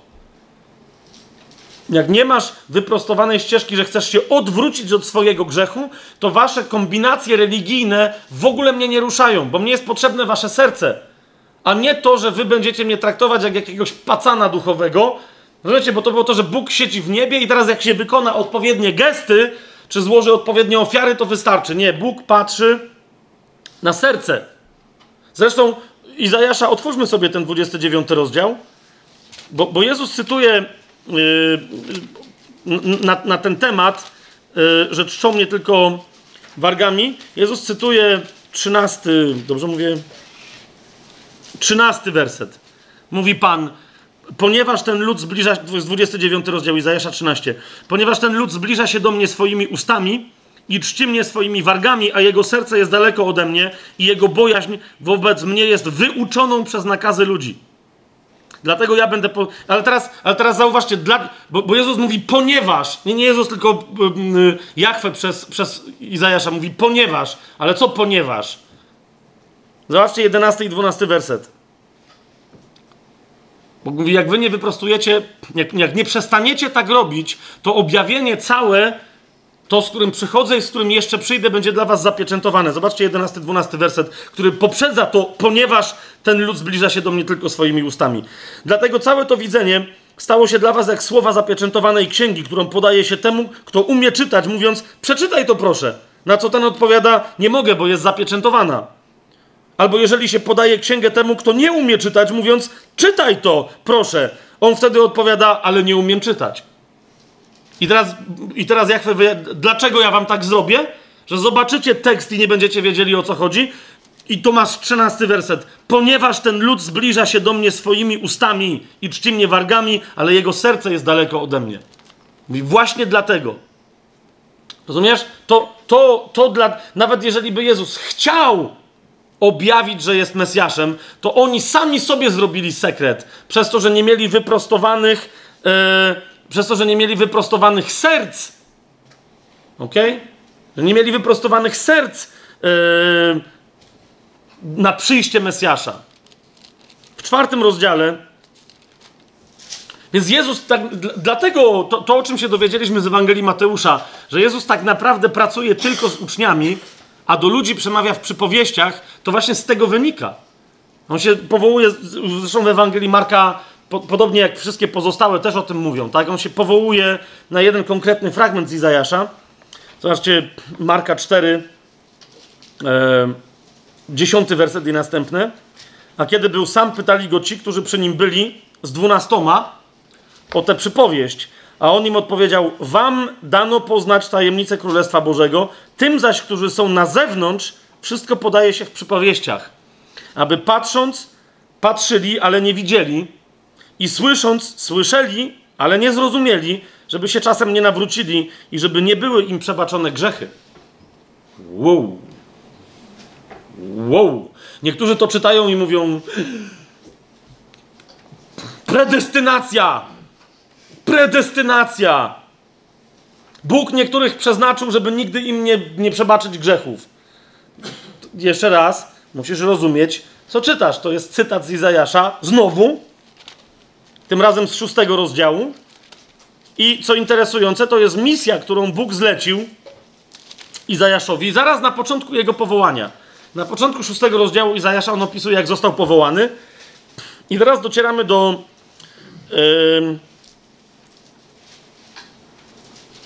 Yy, do ósmego wersetu. Potem usłyszałem głos Pana mówiącego, kogo poślę i kto nam pójdzie. Wtedy odpowiedziałem, oto ja jestem, poślij mnie. I zwykle jak czytamy o powołaniu Izajasza, tutaj kończymy, wow, każdy z nas ma jakieś powołanie, Bóg nas powołuje, halleluja. Tylko jak ten odpowiedział, oto ja, poślij mnie, to zobaczcie, jaką misję najpierw Izajasz dostał. Właśnie tą. A on powiedział: Idź i powiedz temu ludowi: Słuchajcie uważnie, ale nie rozumiejcie. Patrzcie uważnie, ale nie rozpoznawajcie. I teraz patrz, to jest misja dla Izajasza. Zatwarć serce tego ludu. Uczyń jego uszy ciężkimi do słuchania i zaślep jego oczy, żeby nie widział swoimi oczami, nie słyszał swoimi uszami i nie zrozumiał swoim sercem, żeby się nie nawrócił i nie był uzdrowiony. I teraz widzisz, Izajasz zadaje właściwe pytanie, nie jest idiotą, wie, że Bóg chce zbawienia wszystkich ludzi. W tym konkretnym wypadku mówi, dobra, okej, okay. Zobacz jedenasty werset, zapytałem tylko, jak długo, Panie? Jak długo mają nie widzieć, nie słyszeć? Jak długo mają mieć tak zatwardzone serce? Jak długo mają nie rozumieć, nie nawrócić się, żeby nie być zbawionymi od swoich grzechów, żeby nie być uzdrowionymi? No i wtedy Pan odpowiada, Yy, już poruszaliśmy temat, pamiętacie, yy, yy, wielkiego ucisku. udręki Jakuba, zwłaszcza tego, że, że pod koniec czasów dom Jakuba, czyli Izrael, ma być mocno doświadczony. I teraz w tym kontekście, ja tego nie tłumaczę teraz, bo to już było, w tym kontekście na pytanie, jak długo, panie, on odpowiedział, aż miasta zostaną spustoszone i bez mieszkańca, domy bez ludzi, a ziemia zostanie doszczętnie spustoszona. Aż pan zapędzi ludzi daleko i będzie wielkie spustoszenie pośród ziemi, lecz zostanie w niej dziesiąta część, która powróci i ulegnie zniszczeniu, a jak po ścięciu terebintu lub dębu zostaje pień, tak samo będzie ze świętym potomstwem. Widzicie?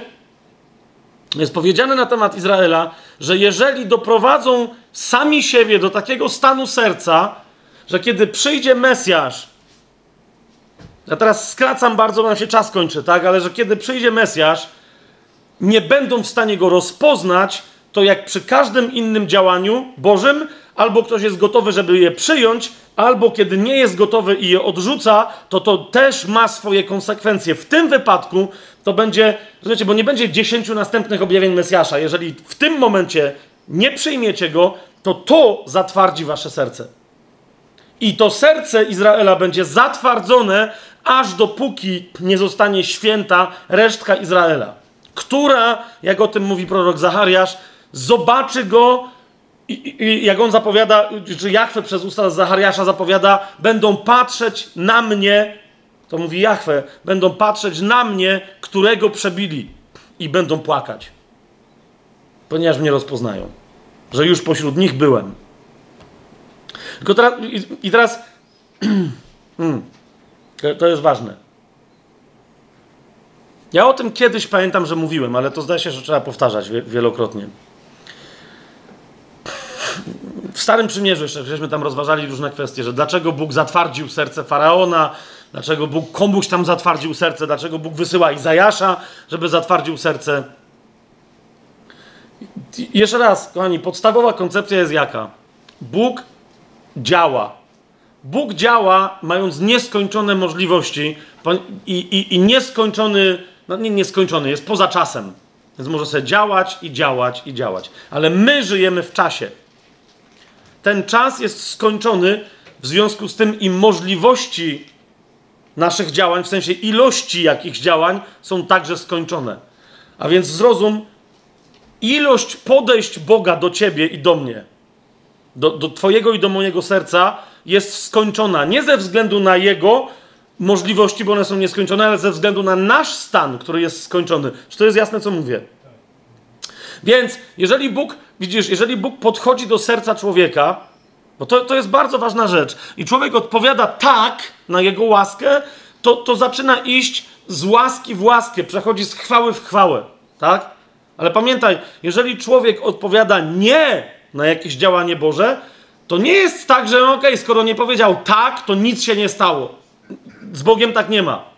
Jeżeli twoje serce, które jest tak stworzone, żeby tęsknić do Boga, żeby się ku Niemu chylić, jeżeli zmusisz swoje serce, żeby powiedziało Bogu nie, to zamiast iść z chwały w chwałę, idziesz z klęski w klęskę. Ok? To, to serce nie zmięknie, nie, nie, nie, nie rozpuści się, żeby wydać, zacząć wydawać owoc, ale zacznie twardnieć. Najpierw jego skorupa, a potem jego serce, potem jego wnętrze. Teraz widzisz, w momencie, kiedy Pan wysyła na przykład Mojżesza za Aaronem do faraona, to, to, to on wie o tym, w jakim stanie znajduje się serce faraona. To są pokolenia e, nazistów, że się tak wyrażę. Albo ludzi kreujących egipski nazizm, który, który ma się skończyć Holokaustem Izraela a w każdym razie męskiego, męskiej części Izraela, bo chcą wymordować wszystkich mężczyzn z Izraela, żeby, te, żeby ten lud przestał istnieć, wziąć sobie ich kobiety, nawet nie dzieci, małych chłopców też należy mordować. Rozumiecie, ten faraon jest już w takim momencie, że jedyne co Bóg może zrobić, to, to, to obwieścić mu swoje decyzje. I on wie, jak się skończy, jaką, jak zareaguje faraon. I dlatego mówi Mojżeszowi za Aaronem, idźcie, zatwarćcie serce Faraona. Po prostu on, on, on, on, widzi, w jakim stanie on się... On wie, że to będzie kolejny raz, kiedy Faraon powie nie. A Bóg wie, że w ramach czasu, który ma, nie, nie może już zwlekać ani sekundy, nie może czekać ani więcej, ani 10 minut. Po prostu czas faraonowi się skończył. Jego serce zostało zatwardzone przez to, co zrobił Mojżesz za Aaronem. Ale jaki jest kontekst? No taki, że on sam wcześniej powielekroć Boga odrzucał. To samo jest z Izraelem. I dlatego Jezus, dlatego Jezus mówi: Do was mówię, bo wy jesteście wewnątrz, do swoich apostołów, ale mówi do tych, którzy są na zewnątrz, mówię tylko w przypowieściach. Bo, bo w momencie, kiedy ja się objawiam, oni nie są gotowi na to, żeby, nie mają przygotowanego serca. A, a więc to, co robię, tak, to się skończy ich zatwardzeniem. Ale to nie jest moja wina, to nie jest cel mojego głoszenia, żeby ich serce zostało zatwardzone. Zauważcie, wielu, wielu Żydów się zbawiło. Cały pierwszy kościół to byli Żydzi, zanim poganie weszli do kościoła. Ale zauważcie jednocześnie, jak wielu Jezusa odrzuciło. Tak? W Ewangelii Jana w 12 rozdziale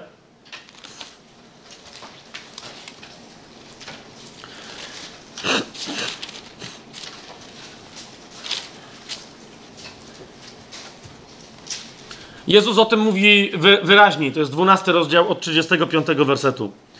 Bo to jest też miejsce, gdzie Jezus się powołuje na ten fragment z Izajasza i wyjaśnia, tak, dlaczego, dlaczego, dlaczego serce będzie zatwardzone. Zauważcie, 12 rozdział Jana, 35 werset i następne. Wtedy Jezus powiedział im, jeszcze tylko przez krótki czas jest z wami światłość.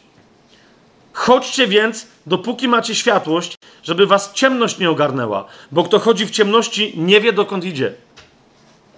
Dopóki macie światłość, wierzcie w światłość, abyście byli synami światłości. I kiedy Jezus to powiedział, odszedł i ukrył się przed nimi. A chociaż tak wiele cudów uczynił wobec nich, jednak nie uwierzyli w niego. Wiecie, to jest kolejny fragment, który wykorzystali te cuda, chcieli wykorzystać do czegoś tam, do jakichś swoich wyobrażeń, ale nie chcieli zobaczyć to, co Jezus przy pomocy tych cudów naprawdę im demonstruje. I teraz zauważcie, a chociaż tak wiele cudów uczynił wobec nich, jednak nie uwierzyli w Niego, żeby się wypełniło słowo, które powiedział prorok Izajasz, Panie, któż uwierzył naszemu głoszeniu i komu ramię pańskie zostało objawione. Wiecie skąd jest ten cytat, tak? 53 rozdział Izajasza. Czwarta pieśń sługi pańskiego. Dlatego nie mogli uwierzyć, bo jeszcze Izajasz powiedział, zaślepił ich oczy i zatwardził ich serce i tak dalej, i tak dalej, i tak dalej. I teraz komentarz byłby mniej bolesny chyba, gdyby nie 41 werset. Powiedział to Izajasz, kiedy widział jego chwałę i mówił o nim. Rozumiesz, człowiek, który nie widział Jezusa na oczy, miał tylko objawienie od ducha, w którym zobaczył Jezusa, wiedział, co widzi, uwierzył w jego chwałę. A oni mieli go w zasięgu ręki. I dlatego, jeszcze raz, to jest podkreślenie, on już nie mógł więcej zwlekać. Kiedy się wypełnił czas, przyszedł, ale wasze serce nie wyprostowało ścieżki. Wasze serce nie wyprostowało drogi. To jest wasza wina w związku z tym, że jego objawienie się zatwardziło, yy, zatwardziło wasze serca. Teraz widzicie, Jezus o tym mówi: robię co mogę, to, że to, co, że to, co robię, zatwardza wasze serca, to jest wasza odpowiedzialność. Teraz widzicie, my jako Kościół kontynuujemy tą misję, dlatego jeszcze raz powtórzę, jak to wcześniej powielekroć mówiłem. Uważajcie na to, czy, czy głosząc Ewangelię, rzeczywiście jesteście w, w, w centrum woli Ojca. To jest temu człowiekowi, komu on chce, głosicie tak, jak on chce, żeby było głoszone, czy świadczycie i po prostu rozeznawajmy to. Ok? Bo ty nie wiesz, ile ten człowiek, że tak powiem, będzie jeszcze mieć szans. Jeżeli on w danym momencie nie jest gotowy, ale tobie koniecznie z jakichś religijnych, w cudzysłowie, powodów chce się głosić jemu Ewangelię, bo nie zaliczyłeś jeszcze nikogo w tym tygodniu, to i tak on tej Ewangelii nie przyjmie, ale kiedy jej nie przyjmie, rozumiesz, niepotrzebnie jego serce może się zatwardzić. Jeżeli głosimy tam, gdzie mamy głosić, a ludzie nie przyjmują Ewangelii, to nie jest nasza wina, że, że zatwardzamy ich serce. Tak? Bo to, jest, bo to jest wynik ich postawy.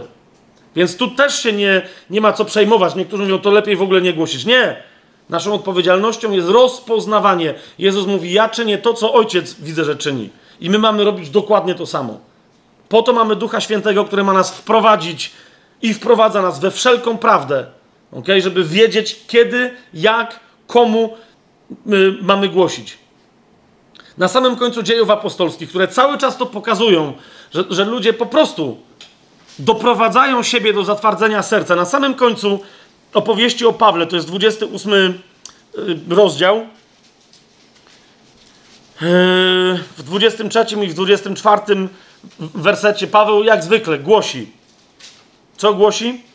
Przytaczał im świadectwa o Królestwie Bożym i przekonywał o Jezusie na podstawie prawa Mojżesza i proroków. I niektórzy uwierzyli temu, co mówił, a inni nie, nie uwierzyli. I teraz zobaczcie, jaki jest komentarz e, Ducha Świętego przez Łukasza zapisany. Poróżnieni ze sobą rozeszli się, kiedy Paweł powiedział to jedno, widząc, że jedni wierzą, a inni nie wierzą. Czym się różni jeden Żyd od drugiego? To jest jego decyzja, jego serca, bo wszyscy tak samo znali pisma, skoro tak samo z Pawłem dyskutowali. Rozeszli się poróżnieni. Dlaczego? Ponieważ Paweł powiedział to jedno. Słusznie Duch Święty powiedział przez proroka Izajasza do naszych ojców: Idź do tego ludu i mów, słuchając, będziecie słyszeć, ale nie zrozumiecie, i patrząc, będziecie widzieć, ale nie zobaczycie. Dlaczego? Bo utyło serce tego ludu, stępiały ich uszy i zamknęli swoje oczy, żeby oczami nie widzieć, ani uszami nie słyszeć, a sercem nie rozumieć i nie nawrócić się, żebym ich nie uzdrowił. Więc, więc po prostu Kościół, to jest koniec opowieści dziejów apostolskich i, i jest dokładnie ten sam cytat. Dokładnie do tego samego się. Yy, my będziemy się z tym wciąż spotykać, dlatego nie marnotrawcie Słowa Bożego na głoszenie. Niektórzy na przykład głoszą u siebie w rodzinie. Nie pytają Boga, czy mają to robić, tylko koniecznie chcą wszystkich swoich najbliższych pozbawiać. Zbawić. Wiecie o co mi chodzi? Czasem prowadzą ich do fałszywego przyjęcia, no po prostu czasem ktoś w rodzinie, ni niestety spotkałem się z takimi przypadkami, wręcz wprost udawał przed, przed kimś świeżo nawróconym i rozentuzjazmowanym, udawał, że przyjmuje Jezusa, żeby mieć z nim spokój. I co interesujące, ten ktoś, kto, kto widział takie przyjęcie Jezusa, później był zadowolony. A, super, mamusia idzie do nieba. A widzisz jakieś owoce w jej życiu? Ale nieważne, wyznała Jezusa Panem. Jasne. Teraz, jak przyjdzie prawdziwy ewangelista, posłany przez Pana, żeby jej głosić Słowo Boże, zastanów się, zastanów się nie tylko jak przez fałszywe przyjęcie Jezusa, ale przez udawanie później, jak mogła zatwardzić swoje serce. Wiecie o co mi chodzi? Na szczęście w tym konkretnym przypadku usłyszała prawdziwą Ewangelię i, i, i nawet z tego swojego udawania, udawania pokutowała. Co interesujące, e, długo zajęło temu, który, który do takiego fałszywego przyjęcia Jezusa synkowi, tak? Długo mu, jemu zajęło, żeby pokutował ze swojej postawy. On cały czas nie widział, ja chciałem dobrze, jasne. No nie mamy robić dobrze, tak? My mamy robić rzeczy, które są życiodajne, a nie dobre. Ok? Dobry uczynek może być jak najbardziej martwym uczynkiem, jeżeli nie jest zgodny, yy, jeżeli nie jest zgodny z wolą Ojca. I tylko skończę, skoro już żeśmy w to weszli, list do Rzymian, 11 rozdział mówi nam o, o Izraelu, że też do pewnego stopnia to zatwardzenie serca Izraela, więc dlatego nie myślcie źle o Izraelu. Niezależnie od tego, jak czasem czytamy historię o faryzeuszach i no, różne te historie, nie myśl źle o Izraelu. Po, ponieważ to też był jakiś plan. 11 rozdział siódmy i ósmy werset mówią: Cóż więc, czego Izrael szuka, tego nie osiągnął, ale wybrani osiągnęli, a inni zostali pogrążeni w zatwardziałości. Jak jest napisane, Bóg dał im ducha twardego snu, oczy, aby nie widzieli i uszy, aby nie słyszeli. I tak jest do dziś. A, ale dlaczego? Zobacz jedenasty werset. Pytam więc, czy się potknęli, żeby upaść? Nie daj Boże. Ale raczej przez ich upadek zbawienie doszło do pogan, aby wzbudzić w nich, to znaczy w Żydach, e, zazdrość. I zobacz 25 werset i następne. Bo, bo tam Paweł rozwija dalej temat tego zatwardzenia serca u, u, u, Żydów, ale na końcu mówi: Nie chcę, to jest 25 werset 11 rozdziału i dalej. Nie chcę, bowiem bracia, żebyście nie znali tej tajemnicy, żebyście sami siebie nie uważali za mądrych że zatwardziałość po części przyszła na Izrael, dopóki nie wejdzie pełnia pogan. Rozumiesz? To chodzi o nas, o, o nasze wszczepienie w obietnice Boże. I dalej mówi: I tak cały Izrael będzie zbawiony. Jak jest napisane, przyjdzie z Syjonu wybawiciel i odwróci bezbożność od Jakuba. A to będzie moje przymierze z nimi, gdy zgładzę ich grzechy. Tak więc, co do Ewangelii, są nieprzyjaciółmi ze względu na was, ale co do wybrania, są umiłowani ze względu na ojców. Nieodwołalne są bowiem dary i powołanie Boże.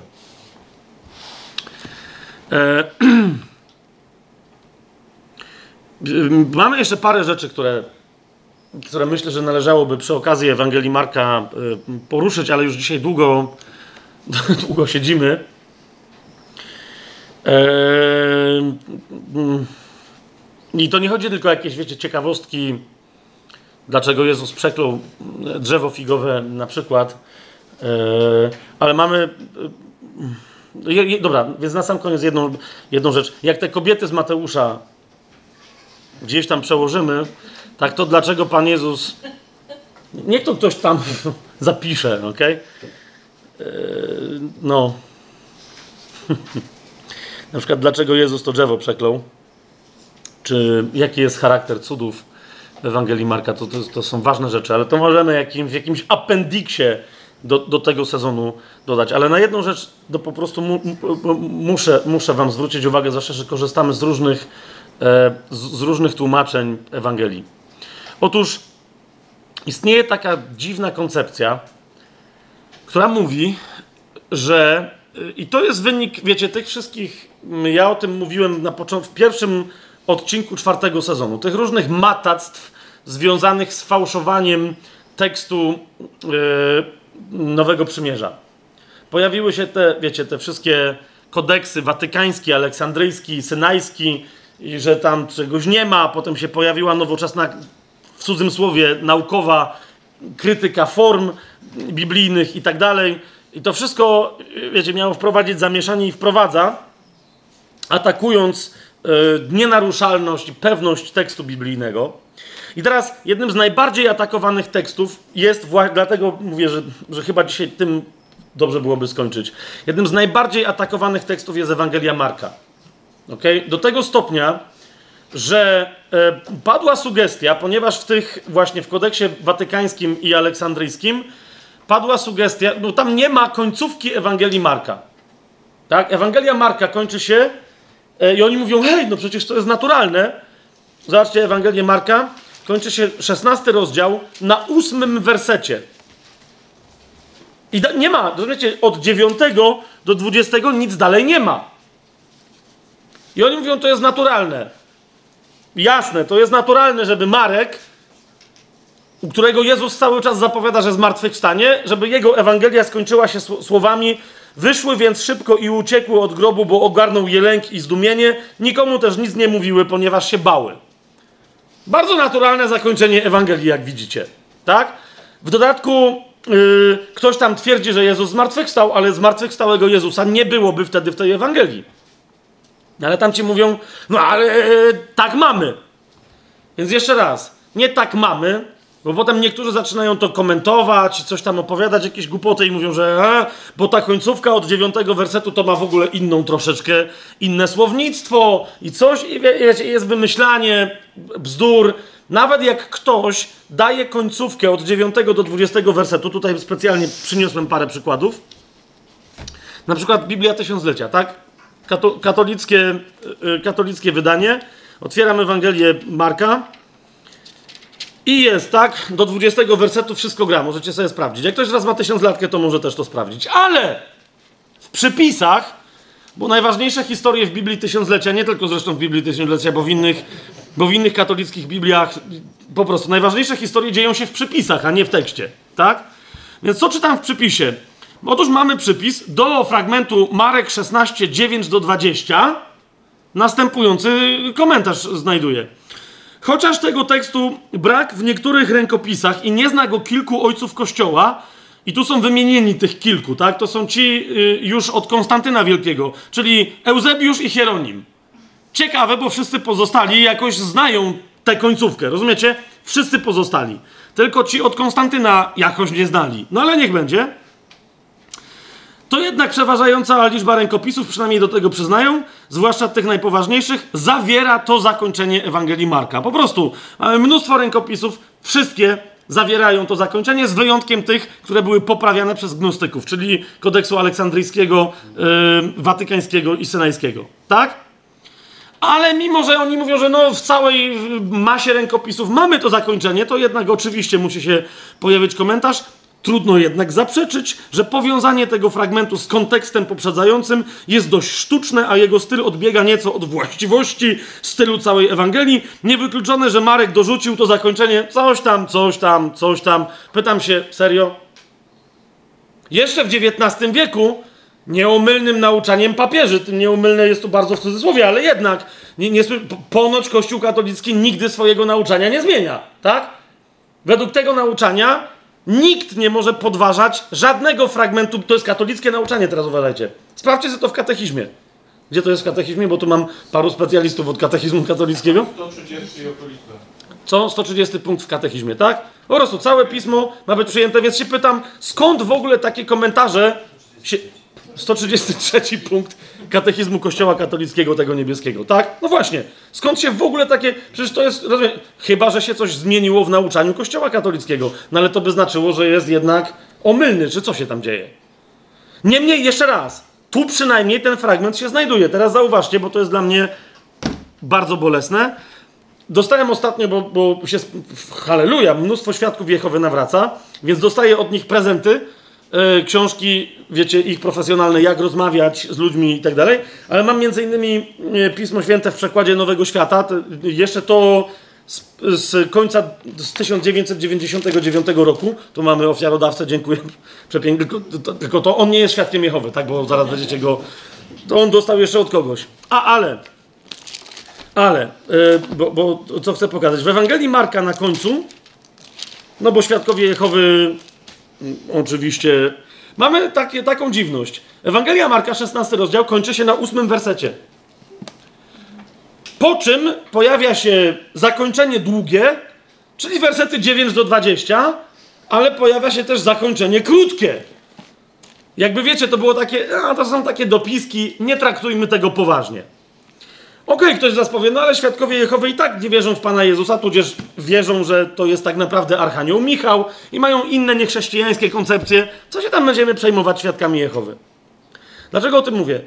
Bo widzicie, z całej tej afery, którą wymyślili Westcott z Hortem, która się skończyła e, mianowanymi do, do tytułu bardzo naukowych wersji Biblii tak zwanych Nestle Alanda, ktoś nie wie o czym mówię, to jeszcze raz, pierwszy rozdział czwartego sezonu, tam więcej o tym mówiłem. Odnoszę bardzo bolesne wrażenie, że, je, że, że, że nawet ewangel... bo to wiecie, świadkowie Jehowy, okej, okay, katolicy, ale nawet ewangelicznie, bardzo ewangelicznie wierzący chrześcijanie, którzy mają problem z charyzmatami, ok, idą na jakiś dziwny kompromis, robiąc z Biblią dokładnie to samo, co pokazałem wam, że świadkowie Jehowy. Wiecie, że wielokrotnie bardzo chwaliłem yy, wydanie Pisma Świętego przez Ewangeliczny Instytut Biblijny z Poznania, czyli Ligę Biblijną, ale yy, ktoś z was ma? Okej, okay, to sprawdź. Ewangelię Marka. Na, na, na końcu macie zrobione dokładnie to samo, bo, bo to jest to, co wynika z Nestle Alanda tak? Czyli z tego mieszania, które Westcott z Kortem zaczęli, pseudo-naukowego, tak? Nagle okazuje się, że w tym ewangelicznym wydaniu mamy to samo, co mają świadkowie Jehowy w przekładzie Nowego Świata, w tak wielu miejscach zmanipulowanym. Mamy końcówkę Ewangelii Marka i po ósmym wers wersecie zakończenie Ewangelii krótsze i zakończenie Ewangelii dłuższe. Jeszcze raz, dlatego, że rozumiem, opierają się na, na tym, co w, co się uważa za, za naukowo potwierdzone ciało tekstualne Nowego Przymierza Nestle Alanda, ale mam takie dziwne przeczucie, że bardzo chętnie niektórzy podważają wartościowość i prawdziwość tej końcówki. Dlaczego? bo mają problem z charyzmatami, tylko i wyłącznie z tego powodu. Dlatego, że Jezus wyraźnie mówi, że tym, którzy uwierzą, 17 werset, takie znaki będą towarzyszyć tym, którzy uwierzą w moim imieniu, będą wypędzać demony, będą mówić nowymi językami, będą brać węże, a chociażby wypili coś śmiercionośnego, nie zaszkodzi im. Na chorych będą kłaść ręce, a ci odzyskają zdrowie. Jeszcze raz, nie, może tak nie jest, tak? I nie, nie chciałbym teraz zabrzmieć jako. Tylko rozumiecie, nawet jeżeli się podważy wiarygodność tej końcówki, co jeszcze raz powtarzam, jest kompletnie niczym nieuzasadnione, tak? Kompletnie niczym nieuzasadnione. To nawet jeżeli ktoś podważy tę końcówkę, jest wiele innych fragmentów, które wyraźnie, jeszcze wyraźniej niż ten fragment, mówią, że, że tych znaków działania mocy Ducha Świętego Kościół ma prawo się spodziewać. Jasne jest to, co mówię? Po prostu, że Kościół ma prawo się tego spodziewać. Więc, więc po co się w ogóle babrać, bo inaczej no, nie znajduję tu delikatniejszego słowa, w tego rodzaju e, zagrywki, które wyglądają, wiecie, na ukłon raczej w stronę e, naukowego środowiska, w ramach którego trudno mi powiedzieć, jak wielu jest rzeczywiście wierzących i wyznających Słowo Boże jako, jako najwyższy autorytet swojej wiary, a jak wielu po prostu zajmuje się tym, jak każdą inną nauką, i ponieważ nie jest to zajmowanie się duchowe, to ono zasadniczo zmierza do tego, żeby z Biblii zrobić książkę, jakich wiele. I, I, żeby podważyć jej autorytet i podważyć wiarę tych, którzy na bazie Słowa Bożego są wierzący. Jeszcze raz, i nie chodzi mi o to, że hmm, teraz będziemy bronić tej wersji, żeby, żeby, żeby, wiecie, czystość jakiejś konfesji sobie zapewnić, tylko jeszcze raz powtarzam, jeszcze raz powtarzam, e, nie, nie, nie, wiem, ma ktoś tutaj e, przekład toruński, bo akurat nie wziąłem. Toruński, nie, nie UBG. E, Okej, okay, bo to jeszcze tam... Okej, okay, to jakbyście mogli sprawdzić. Ale w każdym razie, Biblia Gdańska, uwspółcześniona Biblia Gdańska, one się opierają na tekstu z Receptus i tam nie ma, e, tam nie ma absolutnie żadnej, e, ale to żadnej wątpliwości co do tego, że ta Biblia się, e, ta księga Ewangelia Marka się kończy na wersecie 20, od 9 do 20, zawierając dokładnie to, e, co tam macie zapisane. Więcej oczywiście w trakcie tych naszych spotkań będziemy pokazywać takich momentów, kiedy pismo jest, e, kiedy pismo jest atakowane, czy, czy się je próbuje podważać. To, tylko to chcę, żeby, żeby wam zostało, jeżeli gdzieś się z takim atakiem znajdziecie. Oczywiście nie wierzcie mi na słowo, tylko sami sprawdźcie, tak? Ale szybko zobaczycie, że, że to jest po prostu słaby atak. Chyba, że kto, komuś bardzo zależy na tym z jakichś pobocznych powodów, e, no, no, no, właśnie, żeby, żeby ta końcówka miała znak zapytania. Nie ma, nie ma żadnego e, realnego znaku zapytania. Jest, jest mnóstwo, mnóstwo, mnóstwo, mnóstwo, mnóstwo rękopisów, które, które e, Ewangelię Marka do 20 wersetu mają zapisaną e, w, toruńskim, no tak, bo to jest na, na tekstu z receptu, ale tak, nie sprawdziłem tego, więc wolałem się upewnić. Cała reszta z Ewangelii Marka dzisiaj już wystarczy, bo, bo, bo zmęczenie materiału pewnie jest poważne. E, jak, jak zrobimy dodatek do tego sezonu, to, to te rzeczy, które obiecałem, a które się nie zmieściły z Ewangelii Mateusza, Marka, zobaczymy, co się jeszcze z Łukasza i z Jana nie, nie pomieści, tak? To, to tam jeszcze coś, to tam jeszcze coś dogramy. Tymczasem dzisiaj dziękuję Wam przepięknie.